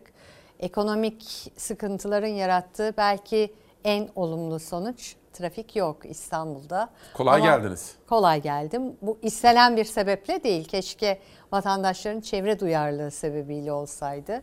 Ekonomik kriz sebebiyle olmasaydı. Hocam ama o kadar pahalı ki benzin. Evet. Bir depo benzini almak 700 lira civarında tutuyor. Evet. Bazı modellere göre 1000 lira. Evet. En az 600 lira. Evet. Şimdi motorlu taşıtlar vergisi ödüyorsunuz. Modeline göre 1000 Evet. o kadar çok pahalı ki anlatamam size. evet. Hani model modelden modele değişiyor. Muayeneye götürüyorsunuz pahalı. Köprüden geçiyorsunuz para. evet. Her şey astronomik. o kadar zamlandı ki. Maalesef. Ankara nasıl hocam? Ankara'da tatsız. Orada da mutlu bir atmosfer yok siz de biliyorsunuz. Evet. Sokağa çıktığınızda artık insanların yüzü gülmüyor. Hı hı. Cıvıl cıvıl bir ülke değil Türkiye. Maalesef. Çok hüzünlü bir görüntü var. Evet. Oysa sizin ne hayalleriniz vardı? Ben uzun Evet. zamandır e, takip ediyordum. Evet. Ve ülkemiz iyi olsun diye bir takım yasal, anayasal Evet. düzenlemeler konusunda çalışıyordunuz. Evet. Ne oldu, neden oldu hepsini konuşacağım ama. Tabii hay hay. Yönetmen kardeşim Savaş Yıldız'dan rica etsem bugünün hava durumunun detaylarına şöyle bir bakalım sonra sohbetimize başlayalım.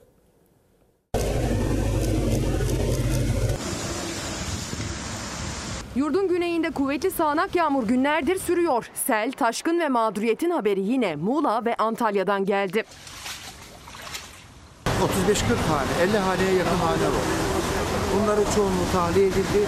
Kendi hayatını idame edenler sitede yerlerinde kaldı. Manavgat'ta günlerdir süren sağanaklar gece saatlerinde Karpuz Çayı deresini taşırdı. Dere çevresindeki tarım arazileri su altında kaldı. Yakınlardaki 171 villa tipi konutun olduğu tatil sitesinde giriş ve bodrum katları su bastı. Site sakinleri iş makinesi ve şişme botlarla tahliye edildi.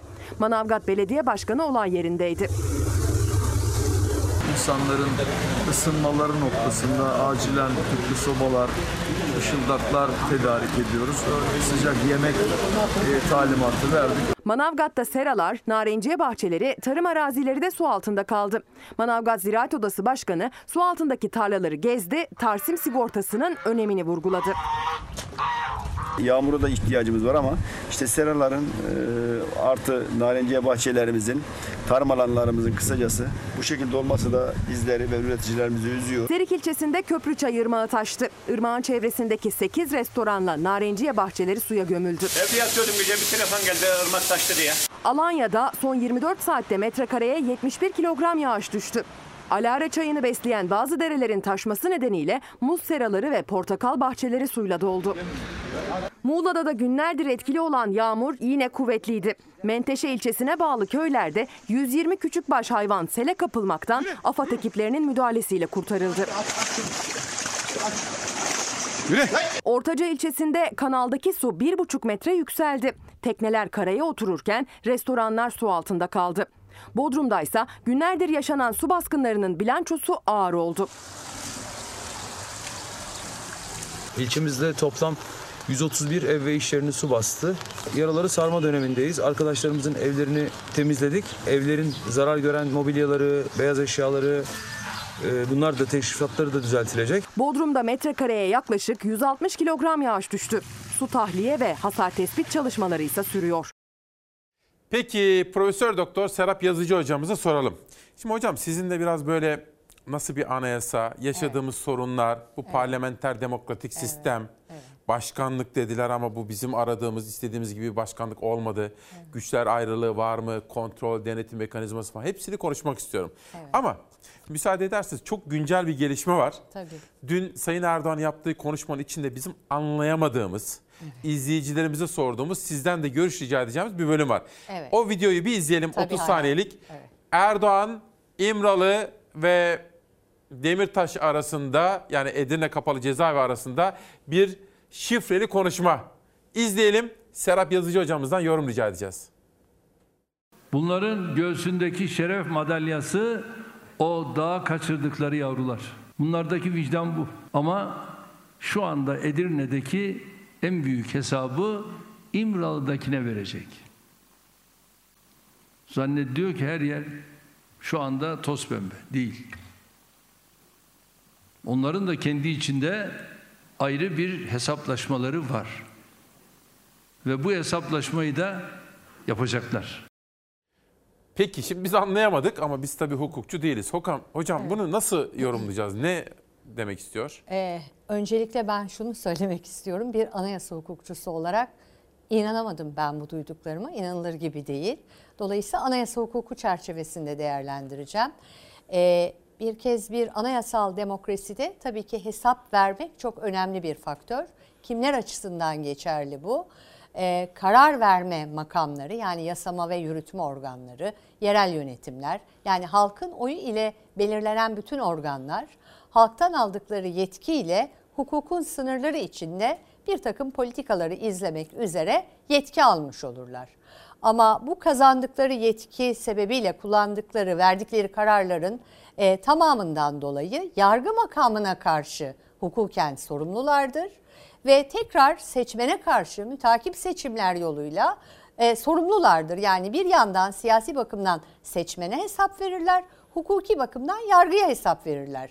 Yürütme organı için düşünürsek yürütme organı yasama organına hesap verir, seçmene hesap verir siyasi bakımdan, e, hukuki bakımdan da yargı organına karşı hesap verir. Şimdi bir sayın cumhurbaşkanı bizim devletimizin hukuki sistemi içinde en üst makamda yer alan kişi. Evet. E, terör örgütü liderliğinden hüküm giymiş olan bir şahsı hesap verme makamı olarak nasıl ilan edebilir? Yani bu İmralı'yı meşrulaştırmak anlamına geliyor. Şimdi Sayın Selahattin Demirtaş zaten şu anda tutuklu hukuk sistemi içinde yargıya karşı hesap veriyor. Dolayısıyla birinci olarak bunu anlamakta güçlük Evet. çekiyorum. İkinci olarak Sayın Cumhurbaşkanı'nın bu sözleri de kendisi için gelecek bakımından hesap vermesi gereken sonuçlar yaratabilir. Ve nihayet üçüncü olarak anayasamızın 104. maddesi e, Cumhurbaşkanı'nın yetkilerini düzenliyor ve bu madde e, milletin bütünlüğünü sağlama görevini veriyor Sayın Cumhurbaşkanı'na. Dolayısıyla e, yani Güneydoğu'ya seslenerek orada bir bölünmeyi teşvik etmeyi hiç isabetli bulmuyorum. Çok çarpıcı gerçekten. Hani ben de Sayın Erdoğan ne biliyor bu konuda?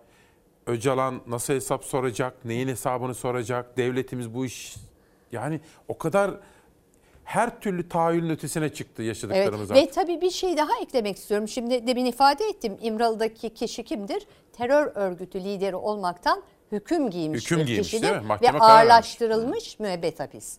Şimdi öyle bir toplumda yaşıyoruz ki her an her vesileyle herkes gözünün üzerinde kaşı olduğu gerekçesiyle terör örgütü ile irtibatlı ve iltisaklı ilan edilerek toplumun neredeyse tamamı kriminalize ediliyor. Ama aynı zamanda terör örgütünün lideri bir hesap verme makamı olarak ilan ediliyor. Yani akla, mantığa, hukuka aykırı bir tablo. Hocam siz şimdi öteden beri hukuku savunuyorsunuz. Evet. Ben sizi böyle yüzde ilk defa görüyorum ama eserlerinizi okudum, Evet. çalışmalarınızı, makalelerinizi, yazılarınızı öteden beri. Hatta siz doğru bir şey yaptınız. AK Parti'nin kapatılmasına da karşı çıktınız Evet, doğru, doğru, olarak. doğru, evet, Ve yine AK Parti'nin çağrısıyla Sayın Erdoğan'ın bizzat sizi davet etmesiyle ülke daha iyi olsun diye anayasa çalışmalarına katıldınız. Evet. Değil mi? Evet. Dolayısıyla size mutlaka sormak istediğim bir takım hususlar var. Tabii, ama hay hay. şimdi en fazla size yöneltmemi isteyen istenen sorulardan biri KHK sorusu. Evet. O izleyicilerden geliyor. Evet. Ülkemizin yaşadığı bu özel ve zorlu dönemde. Evet. Ama hukuk, Türkiye Evet. Cumhuriyeti bir hukuk devleti aynı zamanda. Evet. Bu KHK konusunu da mağduriyetler bağlamında bir değerlendirir misiniz? Tabii ki hay hay. Biliyorsunuz bu kanun hükmünde kararnameler meselesi 15 Temmuz darbe teşebbüsünün ardından ilan edilen olağanüstü hal rejimi süresince karşımıza çıktı ve bu yönetim e, yaklaşık 2 yıl devam etti. 2 yıl süresince 31 adet olağanüstü hal kanun hükmünde kararnamesi kabul edildi ve bu kanun hükmünde kararnamelere ekli listelerle on binlerce kişi demin de ifade ettiğim gibi terör örgütleri ile irtibatlı ve iltisaklı olmaları sebebiyle kamu görevinden ihraç edildiler ve e, artık elde ettikleri hiçbir unvanı kullanamayacakları burada belirtildi. Kamu görevinde istihdam edilmeyecekleri karara bağlandı. E, seyahat etme hürriyetleri ellerinden alındı. Yani pasaportlarına el konulmuş oldu. Ve daha hazin olanı özel sektör tarafından istihdam edilmeleri önlendi. Hatta kendilerine ait bir işletme açıp ruhsat alıp ekmeklerini meşru vasıta ve yollarla kazanmaları önlendi. Şimdi bu kanun hükmünde kararnameleri incelediğimiz zaman bunlar içinde o kadar çok anayasaya aykırılık sorunu mevcuttu ki ben bu vesileyle belirteyim. E, Profesör Metin Günday'a armağan çalışması yayınlandı ve o çalışmada benim aşağı yukarı 50 küsur sayfalık bir makalem var. Bu olağanüstü hal kanun hükmünde kararnamelerinin içerdiği anayasaya aykırılık sorunlarıyla ilgili olarak. Tüm detayları burada aktarmak mümkün olamayacağı için bu dipnotu düşmek ihtiyacını duydum. Ee, şimdi bütün bu vatandaşlarımızla ilgili çok ciddi hak ihlalleri var. Neden? Bir kere anayasamız o zaman yürürlükte olan 121. maddesi hükmü gereğince olağanüstü hal döneminde Cumhurbaşkanı başkanlığında toplanan e, Bakanlar Kurulu'na kanun hükmünde kararname çıkarma yetkisini tanıyor ama o yetkinin sınırlarını da çiziyor. Şimdi 12 Eylül yönetimini ben her vesileyle eleştirdim. Tabii. 1982 anayasasında eleştirdim. Ama o kötü anayasada dahi olağanüstü hal yönetimi bir keyfilik yönetimi değildir. Bunu gösteren pek çok hüküm var. Hukukla sınırlanmış bir yönetimdir. Nitekim bizim Anayasa Mahkememizde evvelce verdiği kararlarında çok isabetli olarak bunu belirtmiştir. Olağanüstü hal rejimi hukukla sınırlanmış bir rejimdir demiştir. Ama bu bağlamda anayasamızın hukuk devleti ilkesi pek çok yönüyle eee, ihlal edildi. Bu yurttaşlarımıza bir disiplin soruşturması dahi yapılmadı. Kendilerine adil yargılanma hakkının çok mühim bir parçası olan eee, savunma hakkı tanınmadı. Eee sanığın masumiyeti karinesi ihlal edildi. Yargılamasız ceza olmaz kuralı ihlal edildi. Böylece çok büyük anayasaya aykırılık ihlalleri gerçekleştirilerek büyük hak ihlalleri ortaya çıktı. Şöyle sorsam hocam. Tabii. Şimdi bu hak mağduriyeti iddiası. Tabii Evet. Türkiye Cumhuriyeti aynı zamanda demokratik, laik, sosyal bir hukuk devleti. Doğru. Peki bu çerçeveden baktığımız zaman bu sorunu nasıl hukuk dairesinde çözebiliriz? E, bu gerçekten çok çok zor bir soru. Ee, bir kez e, bu süreç siyasi gerekçelerle ortaya çıktı biliyorsunuz. Siyaset kurumu yarattı bu hukuka aykırılık sorunlarını. Dolayısıyla siyaset kurumu gene hukukun sınırları içinde çözecek. Bir önemli siyaset bilimcisine atıf vermek istiyorum. Alfred Stepan ve Juan Linz bunlar içinde yaşadığımız yüzyılın dev diyebileceğimiz siyaset bilimcileridir. Onlar bir sistemin anayasal bakımdan demokratik e, olarak kabul edilmesi için çok mühim bir tanım veriyorlar. Bir ülkenin karşı karşıya kaldığı sorunlar ne kadar vahim olursa olsun o sorunların çözümü hukuk içinde aranmalıdır diyorlar. Dolayısıyla bu tanımı o olağanüstü hal rejimine uygulayacak olursak hukuk dışına çıkılmıştır. Benim önerim şu çok Nedir, pratik nedir? olarak e, zamanı geri çevirelim. 15 Temmuz gününe gidelim. O günden itibaren olan bütün işlemleri gözden geçirelim ama hangi sınırlar içinde? Hukukun sınırları içinde Evet. gözden geçirelim ve bu hak ihlallerini önleyelim. Çünkü gerçekten on binlerce yurttaşımız ve onların aileleri sivil ölüme mahkum edildiler. Dahası sosyolojik bakımdan da kamu vicdanında yargılanmaksızın mahkum edildiler. Ben hep okuyorum onlarla ilgili gazetelerdeki yazıları içim parçalanıyor. Bunu ifade etmem Peki. gerekiyor.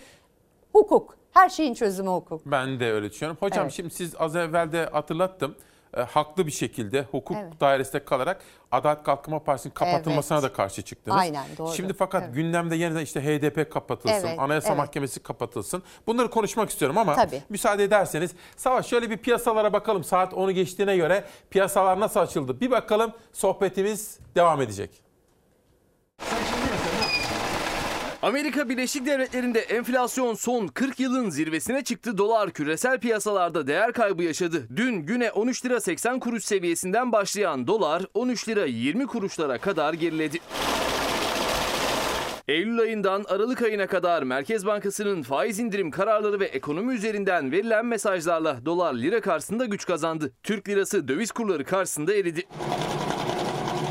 Dolardaki yukarı yönlü seyir 20 Aralık akşam açıklanan kur korumalı mevduat düzenlemesiyle değişti. 18 lirayı da aşan dolar 13 lira seviyelerine geldi. 2022 yılına sakin başladı dolar kuru. Dünse güne 13 lira 80 kuruşla başlamıştı. Gün içinde açıklanan Amerika Birleşik Devletleri enflasyon rakamları sonrası dolara karşı güç kazanan para birimleri arasında Türk lirası da yer aldı. Dolar 13 lira 20 kuruşunda altını gördü. Dolar sığ piyasalarda %4'ten fazla düşüşle 13 lira 20 kuruş seviyesini gördü ancak sabah saatlerinde yeniden yükselişe geçti. Saat 9 itibariyle 13 lira 50 kuruştan işlem görmeye başladı.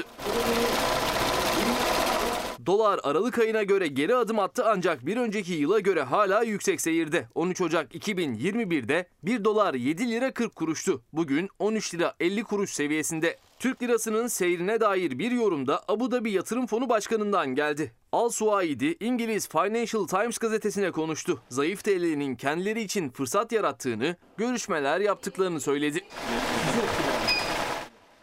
Piyasalar böyleydi. Profesör Serap Yazıcı hocamıza soracağız. Ankara'dan avukat Mustafa Ateş. İlgiyle izliyoruz. Anayasaya göre hukuk devletiyiz. Hani ben de her fırsatta dile getiriyorum ya. Ama tabii bazıları diyor ki ya sen ne kadar da naif bir insansın. Türkiye'de hukuk mu kaldı diyorlar ama ben ısrar ediyorum. Ne diyor Mustafa Ateş? Anayasaya göre hukuk devletiyiz. Pratikte öyle miyiz? Bunu hocamıza sorar mısınız diyor. Hayır değiliz. Evet anayasamız ikinci maddesinde Cumhuriyet'in nitelikleri arasında hukuk devleti ilkesine yer veriyor. Üstelik bakınız dördüncü maddede ilk üç maddenin değiştirilmesinin teklif dahi edilemeyeceğini söylüyor. Ama tuhaf bir paradoks. Değiştiremediğimiz bu anayasa hükümlerini çok kolayca ihlal edebiliyoruz. Demek ki değiştirmek yasak, ihlal etmek meşru. Böyle bir sistem olamaz. Böyle bir anlayış olamaz. Sadece ikinci maddedeki hukuk devleti ilkesini değil, onun uzantısı olan pek çok hükmü de ihlal ediyoruz. Bakınız anayasamızın 153. maddesi diyor ki Anayasa Mahkemesi kararları kesindir. Yasama, yürütme ve yargı organlarını bağlar. Oysa biz ne görüyoruz? Örneğin e, Enis Berberoğlu ile verilen bireysel başvuru neticesindeki davada, Ömer Faruk Gergerlioğlu ile verilen e, kararda Evet. Anayasa Mahkemesi hak ihlaline hükmetti. Ama bunun gereği olarak alt derece mahkemeleri tahliye kararı vermedikleri için Evet. Yüksek Mahkemenin Başkanı Profesör Zühtü Aslan çeşitli vesilelerle mahkeme kararlarının kesin ve bağlayıcı olduğunu kamuoyuna beyan etmek zorunda kaldı. Tabii. Ben böyle bir sistem tasavvur edemiyorum. E, dolayısıyla anayasa hükümleri uyulması için yürürlüğe konmuş hükümler. Gene bir paradoksa işaret edeyim. Evet. Bizim anayasamızın bütün hükümleri vahim sonuçlar doğurmuyor. Bunu izleyicilerin bilmesini isterim. Evet. Özellikle hak ve hürriyetlere ilişkin hükümlerde 1987'den 2010'a kadar yapılan reformlar gerçekten Türkiye'nin anayasal sistemini Avrupa hukuku standartlarına taşıdı. Güzel. Ama bunlara uymadığınız takdirde sisteminiz hukuk devleti olmaz. Adalet Bakanı zaman zaman feryat ediyor. Evet. Yeni bir anayasa diyor. Adalet tecelli etsin isterse kıyamet kopsun Evet. diyor. Adaletin tecellisi için kıyametin kopmasına hiç gerek yok. Sayın Adalet Bakanı Hakimler ve Savcılar Kurulu'nun başkanı. Evet. Demek ki hukuku uygulamayan bir takım hakim ve savcılarla ilgili Hakimler ve Savcılar Kurulu'ndaki yetkilileri harekete geçirerek işlem yapabilir. Bir hukuk devletinde hukuka uymamak diye bir lüks yok. Bütün devlet aktörleri hukukla sınırlı. Bu yargı makamları için de geçerli. Dolayısıyla feryat edeceğimize anayasanın hükümlerini uygulayın. Hocam şimdi tam sizi dinlerken aklıma şu da geldi. Evet. Bir de tabii çok konuşuluyor. Bütün siyasi partilerin de gündeminde. Evet. Mesela bir Demirtaş meselesi, bir Kavala meselesi var. Aynen, Şunu evet. soracağım. Tabii ben Evet. hukuki süreçlere hiçbir zaman müdahale etmem. Hukuka Tabii saygı ki, duyarım. tabii ki. Fakat Avrupa İnsan Hakları Mahkemesi bağlamında bunu bir yorumlar mısınız kısaca? Tabii ki hay hay. Ee, şimdi Avrupa İnsan Hakları Mahkemesi nedir? Önce ona değinmek Evet. istiyorum. Avrupa Konseyi bünyesinde kurulmuş bir organ. Neden kuruldu bu organ? Çünkü Avrupa Konseyi bünyesinde Avrupa İnsan Hakları Sözleşmesi Evet. hazırlandı, akdedildi. Bu arada şunu belirtelim. Türkiye e, Avrupa Konseyi'nin kurucu üyelerinden biri. Tabii. 1950'de Avrupa İnsan Hakları Sözleşmesi'ni imzaladı. 1954'te onayladı. 1987'de Avrupa İnsan Hakları Mahkemesi'ne bireysel başvuru hakkını tanıdı. Tamam. 1989'da Avrupa İnsan Hakları Mahkemesi kararlarının bağlayıcılığını kabul etti ve en önemli noktaya gelmek istiyorum. Nedir? 2004 yılında Adalet ve Kalkınma Partisi'nin önderliğinde Türkiye Büyük Millet Meclisi bir anayasa değişikliği kabul etti. Temel hak ve hürriyetlere ilişkin milletler arası antlaşmaların bizim ulusal kanunlarımızın üzerinde olduğu anlamına gelen bir hükmü kabul etti. Evet. Şimdi bu tabloya baktığımız zaman Türkiye'nin Avrupa İnsan Hakları Mahkemesi kararlarını yerine getirmemek gibi bir lüksü yok. Mahkemenin kararlarına baktığımızda sorduğunuz kişilerle ilgili Evet. ne diyor? Derhal tahliye ediyor. Çünkü verilen bu tutukluluk kararları hukuki gerekçelere dayanmamaktadır, siyasi gerekçelere dayanmaktadır diyor. Şimdi gene bakın hukuk devletiyle ilgili bir sorunumuz var. Bir hukuk devletinde tutukluluk istisnai bir durumdur. Tutukluluk hangi halde ortaya çıkabilir? Bir ceza davası açıldığında hakkında ceza istemiyle yargılama yapılan kişiye biz sanık diyoruz. Ama sanık masumdur. Hı hı. Onun masum olduğuna karar verilir. Hangi noktaya kadar? Ne zamana kadar? Ha, kendisine izafe edilen fiilleri işlediği mahkeme tarafından kesin hüküm altına alınıp hakkında ceza verilinceye kadar o masumdur.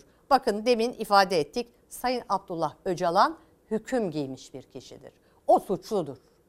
Ama e, demin bahsettiğiniz kişilerle ilgili olarak bu tutukluluk müessesesinin işlememesi gerekiyor. Yargılamalar devam ediyor. Yargılamalarda tutukluluk ne zaman e, meşru olur bizim hukuk sistemimize göre? Delilleri karartma ihtimali varsa, sanığın kaçma ihtimali varsa her iki kişiyle ilgili de Evet.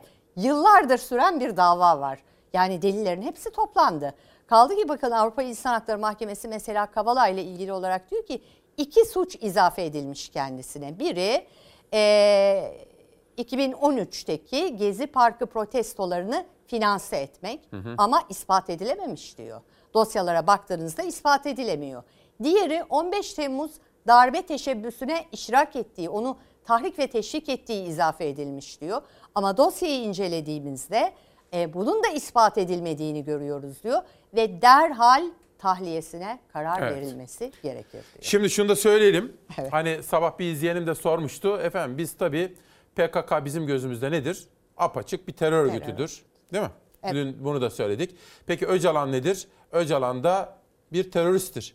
Bunu neye dayanarak söylüyoruz? Türkiye Cumhuriyeti mahkemelerinde millet adına karar veren mahkemelerimizde Sayın Hocamızın da ifade ettiği gibi hüküm verilmiştir. Öcalan teröristtir değil mi hocam? Evet. Hukuk evet, ne evet, diyorsa evet, ona evet, göre bakacağız. Evet, evet. Hocam bir de şimdi dün İçişleri Bakanı A Haber'e çıktı. Evet.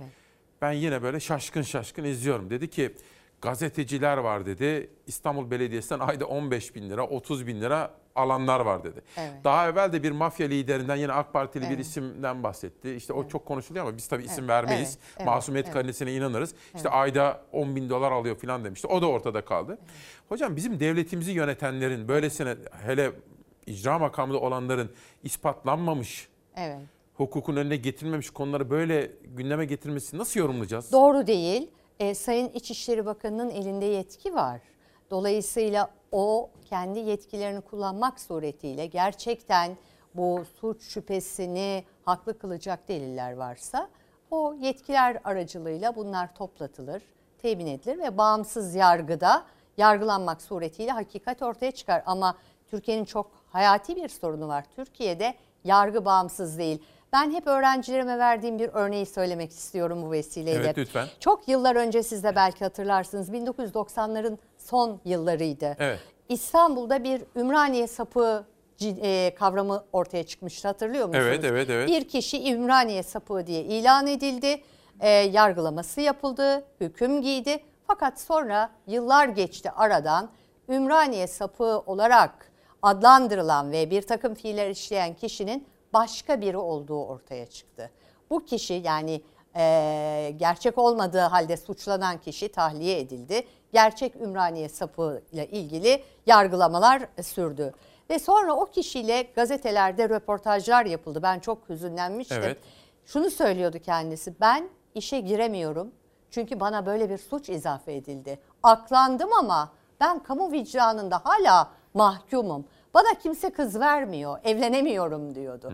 Şimdi bakın sanığın masumiyeti karinesi bu sebeple çok önemli. O yüzden devletin böylesi en üst makamlarında olan kişiler kamu vicdanında bir takım şahısları mahkum etmemeliler. Ülkenin tarafsız ve bağımsız olması gereken yargı kuruluşları yargılama yapmalı. Gerçekten suç işlenmişse, ispat edilmişse tabii sanığa da savunma hakkı verilmek suretiyle cezasını giymeli. Şimdi bakın öğrencileriniz var o tarihte. Şimdi sizi izleyince Serap hocamız anayasa hocamızdı. İnanılmaz bir üslubu ve anlatımı vardı. Anlattığı hiçbir konuyu hiçbirimiz unutmadık. Beynimize nakşederdi diyor efendim. Çok Selamları var. ediyorum. İsim isim vermeyeyim. Pek çok Evet, sayıda evet, insan var. evet. Sabahat Vardar Ecevit döneminin milletvekili. Evet. Böyle alkışlar göndermiş. Evet. Tabii hocam sizin gibi böyle hukuk ve evrensel bir dille konuşunca Evet. önemli. Çünkü hepimiz bu ülke iyi olsun istiyoruz. Kesinlikle. Bir de hocam mesela çok konuşulan bir konu müsaade ederseniz Tabii, onu da buyurun. sormak istiyorum. Ben inanamıyorum ama pek çok Avrupa ülkesinin büyüklüğünde bir nüfusu barındıran İstanbul. Evet. Belediye başkanı. Evet. iki kere seçim kazanmış. Evet. Ankara'nın belediye başkanı seçim kazanmış. Evet. 25 yıllık Melik Gökçek dönemini bitirmiş. Evet. Şimdi Türkiye'de siyaset mahallesi şunu tartışabiliyor. İmamoğlu ve Mansur Yavaş görevden alınabilir mi? Kayyum atanabilir mi diye. Evet, evet. Hocam bunu nasıl yorumlayacağız? Korkunç. Tek kelimeyle korkunç. Bakın ben gene hukukun sınırları içinde cevap vereceğim. Evet. Hukukçu olmak dünyanın en güzel mesleği. Çünkü size Evet. metodik düşünme şansını veriyor. Böyle laf kalabalıklarına pabuç bırakmadan düşünme imkanı veriyor. Tabii. Anayasamız bize diyor ki yerel yönetimlerin karar organları halk tarafından seçilir ve bu organların görevden alınmaları ancak yargı kararıyla olur. Ama tabii şunu belirtelim. O yargı kararı hangi yargı kararı? Bağımsız ve tarafsız mahkemelerin alması gereken yargı kararları. Şimdi ben bir hatırlatmada bulunmak istiyorum. Lütfen. Şu an Türkiye'nin en tepe noktasında oturan Sayın Cumhurbaşkanımız. Kendisi de bir zamanlar bir şiir okuduğu için aslında tamamen ifade hürriyetinin sınırları içinde olan Evet. bir fiili sergilediği için ne oldu? Siyasi yasaklı oldu, Aa, hapse girdi. Belediye başkanlığı görevinden Maalesef. alındı. Siyasi yasaklı ilan edildi. Cezaevinde yattı ve ardından lideri bulunduğu parti parlamentoda çoğunluk oluşturduğu halde başbakan olamadı. Ve onun için bir özel anayasa değişikliği Evet. yapıldı ve hepimiz o zaman bu anayasa reformlarını destekledik. Neden? Demokrasi için. Çünkü kendisine yapılan ifade hürriyetinin meşru sınırları içindeki bir fiili suç olarak ilan edip onu bir takım seçim yarışlarından mahrum kılmaktı. Dolayısıyla benim çizgim belli. Ne zaman hukuku savunduysam yani bundan 20 yıl önce de hukuk devletini savundum. Anayasal hak ve hürriyetleri savundum. Bugün de onu savunuyorum. Peki. Evet. Şimdi hocam sorunlar, tespitler böyle. Güncel konulara yorumlar böyle. Hep hukuk dairesinde kalıyorsunuz. Evet. Harika. Şimdi anayasa diyelim. Tamam. Hepimizin bağlı olduğu anayasamız ve parlamenter demokratik sistem. Evet. Şimdi siz şu andaki sisteme karşı çıktınız mı? Evet çıktık. Ne gerekçeyle? E çünkü bu sistem kuvvetler birliği esasına dayanıyor. Yasama, yürütme ve yargı alanında Cumhurbaşkanı'na çok geniş yetkiler sunuyor. Evet. Yönetimde keyfiliğe yol açıyor. Anayasanın hukuk devleti ilkesini işlevsiz hale getiriyor. Deminden beri bana sorduğunuz soruların temelinde aslında Evet, evet. bu hükümet sistemi var. Dolayısıyla karşı çıkıyoruz. Çünkü yönetimde keyfiliğe dayanan bir sistemde vatandaşların hak ve hürriyetleri korunamaz. Bakın ne dedim? Anayasamızın hak ve hürriyetlere ilişkin düzenlemeleri aslında bize çok önemli güvenceler sunuyor. Ama onlar uygulanamıyor. Bu hükümet sistemi sebebiyle uygulanamıyor. Peki çözüm ne diye soracağım. Evet. Şimdi sizin yazılarınız var. İşte politik Evet. yolda gördüm. Evet. Pek çok yerde gördüm. Makaleleriniz var. Görüşleriniz var. Evet. Geçmişte ya- içinde bulunduğunuz çalışmalar var. Anayasa Evet. çalışmaları Evet. var. Evet. Sizi ben böyle baktığım zaman parlamenter demokratik sistem görüyorum. Evet, Peki doğru. çıkış ne? Bunu birazcık özetler misiniz? Hepimizin anlayacağı şekilde. Tabii tabii. Ben geçmişte de parlamenter sistemi Evet. savundum. 1982 Anayasası parlamenter hükümet sistemine göre hazırlanmış bir anayasa değildi. Evet. E, çünkü parlamenter sistemde Cumhurbaşkanı'nın yetkileri semboliktir. Asıl yürütme alanında karar verme yetkisi Bakanlar Kurulu'nundur. Ama 1982 Anayasası sisteminde böyle olmadığı için e, hep parlamenter sistemi savunduk. Hatta 2007'de hazırladığımız o anayasa taslağında da Türkiye için bir klasik parlamenter sisteme geçiş modeli öngördük. Şimdi o tarihte bu gerçekleşemedi Evet. biliyorsunuz. E, 9 Kasım 2020'de biz Gelecek Partisi olarak güçlendirilmiş parlamenter sisteme geçiş önerisi hazırladık. Neden güçlendirilmiş? Neden? Çünkü hep soruyor e, bir takım kişiler bana Evet. da e-mail'la. Çünkü demin bahsettiğim gibi 1982 Anayasası parlamenterizmin doğasını bozmuştu. Bir yandan parlamenter sisteme özgü bir bakanlar kurulu mekanizması vardı. Ama bir taraftan onunla bağdaşması mümkün olmayan çok güçlü bir cumhurbaşkanlığı makamı vardı. Ve bu aslında hep sorun üretti. Ne zamanlar üretti? Sayın Turgut Özal Cumhurbaşkanı iken, Sayın Süleyman Demirel Cumhurbaşkanı iken, Sayın Ahmet Necdet Sezer Cumhurbaşkanı iken. Belki bir tek Abdullah Gül döneminde sorun üretmedi. Çünkü Sayın Gül anayasanın kendisine sunduğu o Cumhurbaşkanlığı yetkilerini kullanmadı ve köşeye çekildi. Ee, yetkilerin asıl sahibi olarak Bakanlar Kurulu'nu gördü. Evet. Fiilen aslında doğru bir şey yaptı onu söyleyeyim. Hatta şunu söyledi bir cumhurbaşkanı dedi üniversite rektörlerine atayamaz. Evet. E, Anayasal yetkilerine karşı çıkan ilginç bir cumhurbaşkanı gördük. Fakat Sayın Gül e, görev süresini tamamladıktan sonra biliyorsunuz e, Sayın e, Tayyip Erdoğan bu makama geldi. Evet. Fakat onun öncesinde çok mühim bir süreç yaşadı Türkiye. Meşhur 367 krizini yaşadı. Aha. Bunun neticesi olarak e, parlamento bir anayasa değişikliği yaptı. Adalet ve Kalkınma Partisi çoğunluğu yaptı bunu. Cumhurbaşkanını seçme yetkisini halka tanıdı. Böylece ne oldu? Halkın seçtiği cumhurbaşkanı o çok güçlü anayasal yetkilerini kullanarak Bakanlar Kurulu'nu tamamen bypass edebileceği bir ortamı kazanmış oldu. Ve nitekim Sayın Recep Tayyip Erdoğan da Cumhurbaşkanı olduğu ve Sayın Ahmet Davutoğlu'nun başbakan olduğu dönemde hem anayasal yetkilerini çok kuvvetle kullandı hem de böyle şey olmaz dedi. Bu yönetimde ikileşmedir dedi. Ben bu yetkilerin sahibi olmak istiyorum. Ben konu mankeni değilim dedi. Hatırlıyor musunuz? Evet, tabii ki, tabii ki. evet.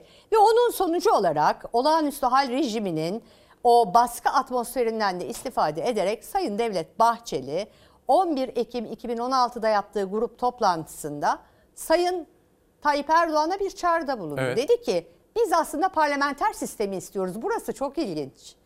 Ee, ama eğer parlamenter sisteme geri dönmüyorsan dedi, senli olarak hitap etti.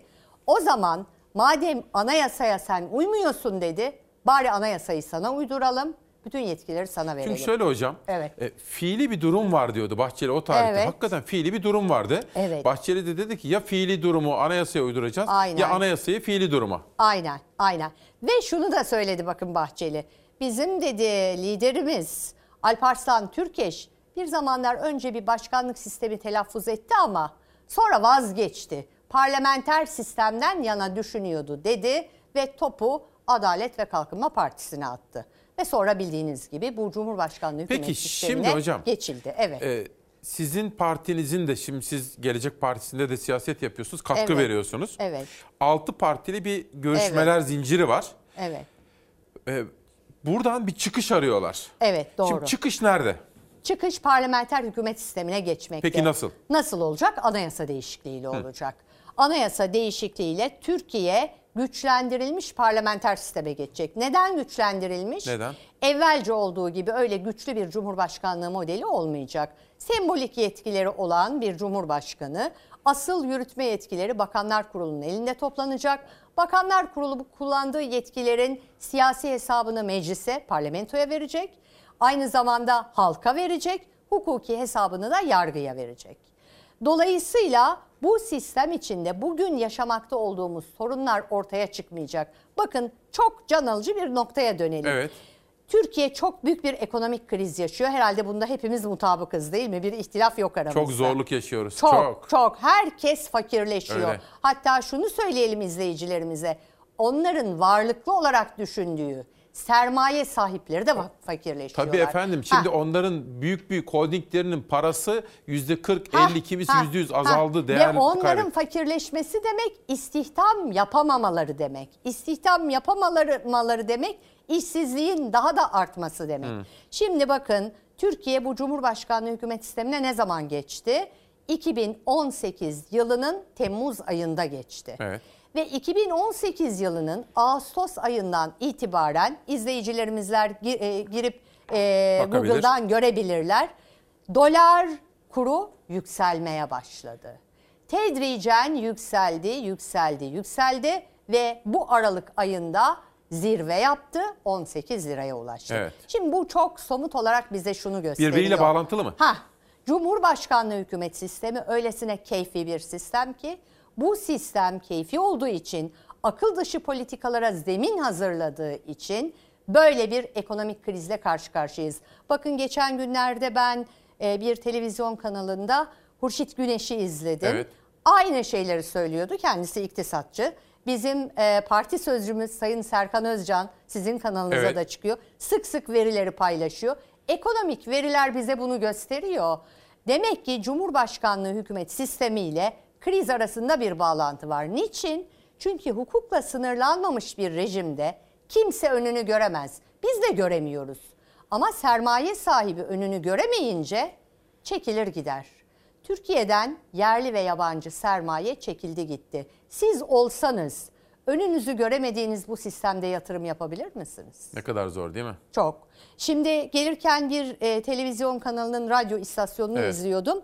Tarımdaki e, girdi fiyatları ile ilgili açıklamalar vardı. Bugün Türkiye biliyorsunuz gıda ürünlerinde çok yüksek bir enflasyon yaşıyor. Neden? Çünkü sizin para politikanız böyle öngörülemez olursa, dolar kuru böyle yükselirse, tarımdaki bütün girdileriniz ithalata dayalı olursa mecburen tarım üreticisinin ürettiği ürünlerin fiyatı artacak ve onlar bu ürünleri satamadıkça o alandan çekilecekler ve bir ziraatçı bunu söylüyordu.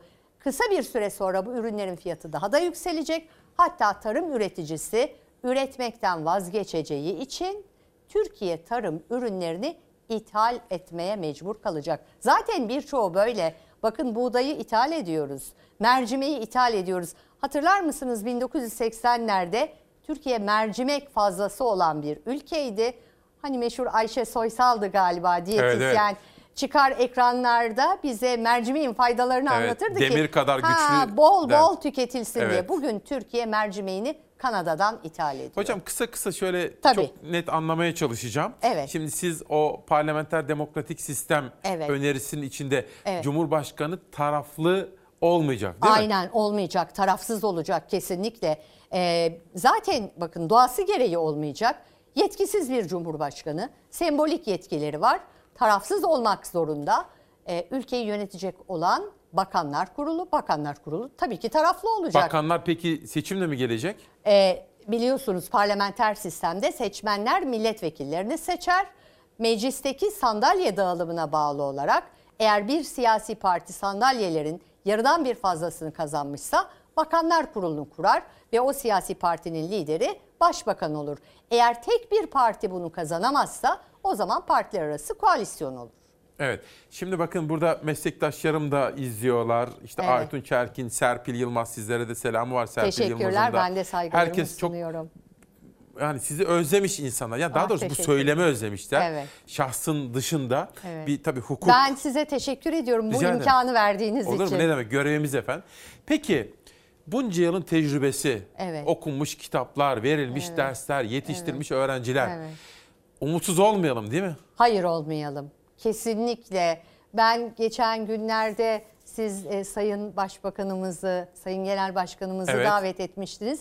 O da dedi ki umutsuz olmayalım. E, elbette umutlu olacağız. Biz ülkeyi yönetecek kadrolara sahibiz. Ben de o vesileyle Twitter hesabımdan Zülfü Livaneli'nin bir şarkısını paylaştım. Umudu kesme yurdundan. Hayır umutsuz olmayacağız. Çünkü akıl, bilim bize bütün bu sorunların çözümünün olduğunu söylüyor. Hı. Ama o çözümleri uygulayabilmemiz için önce bu keyfi hükümet sisteminden kurtulmamız gerekiyor. Bundan kurtulduğumuz takdirde biz bu sorunları çözeriz ve Türkiye'yi tekrar eskiden olduğu gibi zenginleşen, cazibe merkezi olan bir ülke haline getiririz. Ve ben buradan bir üniversite hocası olarak müsaade edin. Lütfen. Gençlere seslenmek Lütfen. istiyorum. Onların umutsuzluklarını gördükçe çok üzülüyorum. Evet. Her zaman öğrencilerime umutlu olmalarını, mücadele etmelerini, asla pes etmemelerini söylerdim. Lütfen umutsuz olmasınlar. Onlar bize yardım etsinler. Onlar bizim geleceğimiz. Bakın onların bir kısmı intihar ediyor.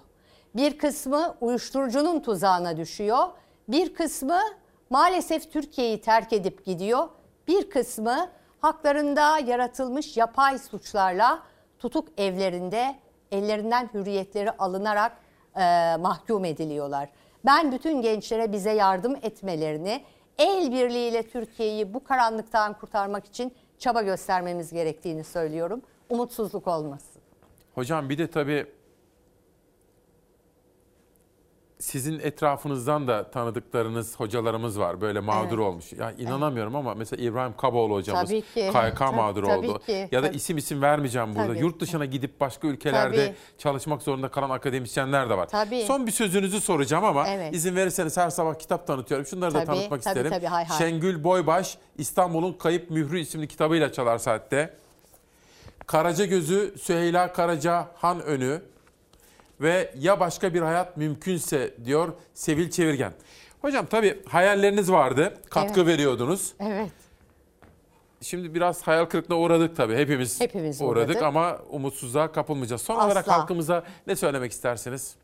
Ee, umutlu olalım, el birliğiyle hareket edelim ve Türkiye'yi yönetecek kadroların olduğundan hiç ümidi kesmeyelim. Bütün meşru kanalları zorlayarak kendimizi ifade edelim, bir araya gelelim. Ayrılıklarımızı derinleştirmeyelim. Biz el ele o ayrılıklarımızı bir zenginliğe dönüştürerek çok mutlu bir toplum olarak yaşayabiliriz. Ne güzel. Evet. Bir de hocam şimdi çok konuşuluyor ama Evet, kısacık süremiz de tabii. kalmadı ama şunu da sormak istiyorum. Şimdi ben hep şöyle söylüyorum. İktidarı beğeniyor muyuz? Hayır. Seçimde hayır şöyle siz, o sizin gör. Ama ben izleyenlere şöyle Tabii. söylüyorum. Beğeniyor musunuz? Beğenenler de var çünkü Tabii burası ki, çok izleniyor. elbette. Beğenen gitsin oyunu versin. Tabii ki. de- devam etsin. Beğenmeyen gitsin oyunu versin, değiştirsin.